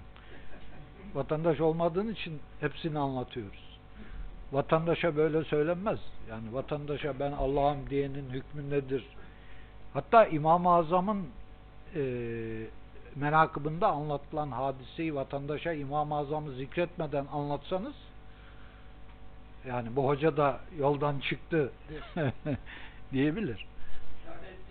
Ha e, fuhuş yapana böyle şey yapılır mı falan filan. Şimdi burada e, İslami ilimlerin İslami ilimlerin İslami ilimler de böyle. Sadece tasavvufla dini ilimler değil. Dini ilimlerin de metodolojileri farklıdır. Yunus Emre diyor ki bir kez gönül yıktın ise bu kıldığın namaz değil. Doğru mu bu cümle? Doğru. Bir ilmihalde böyle bir cümle yer alabilir mi? Yani doğruydu. Yani bir ilmihalde şey yazabilir misiniz? Namazı ifsad eden şeyler. Bir kez gönül yıkan adamın namazı bakın doğru e, il, göreceli değil aslında kademeli doğru göreceli yani dinen doğru göreceli olmaz felsefede olur da dinde kademe olur yalnız Ee, onun için e, bizim tecrübemiz tasavvufla dini ilimlerin geçişkenliklerinin olduğu bir tecrübedir. Osmanlı tecrübesi. Bütün Osmanlı tecrübesi böyledir. İstisnai bir durum değil bu. Fakat bu bunların e, farklı metodolojilerinin ortadan kalktığını ve işlemediğini göstermez. Şimdi bütün metodolojiler ortadan kalktı. Herkes tek tip cümle kuruyor. Çünkü ilim kalmadı. Tasavvuf-i neşve yani e, yok demeyelim. Var tabi. Ama işte e, toplumda her şey birbirini etkiler yani. Aşağıya çeker, yukarıya kaldırır. Senin sorularının tamamını cevaplayamadım ama saate bir geçti. kısmını bir kısmını cevaplamış olduk. Allah razı olsun. İlham oldu. O zaman ben de bir anekdotla kapatmak istiyorum. Yani biraz konumuzla alakalı. Merak ettiğim bir konu. Ben 77'de Kars İmam Hatip bitirdim. Siz de mezunusunuz. O yıllarda Türkiye'de hemen hemen her ilde İmam Hatip yatılısı vardı. Başka hiçbir okulun yoktu. Yine siz de İslam de Öğretmen, öğretmen okullarının vardı. Bir meslek öğretmen okullar. Evet. Normal ticaret lisesini hiçbirini yoktu. Yine İstanbul'a geldik, yüksek İslam'a geldik. Belki bir polis kolejlerinin, askeri dışında hiçbir yüksek okulunda yatılı olmadığı halde bizim yüksek İslam'ımızda vardı. Bu da yani Cumhuriyet'in hepten din karşıtıydı. İşte ben bunu düşünmüşümdür. Bu Evet. taraftan doğru değil Eyvallah. düşündüm. Evet. O zaman El Fatiha diyelim. Eyvallah. Buyurun. El Fatiha arkadaşlar.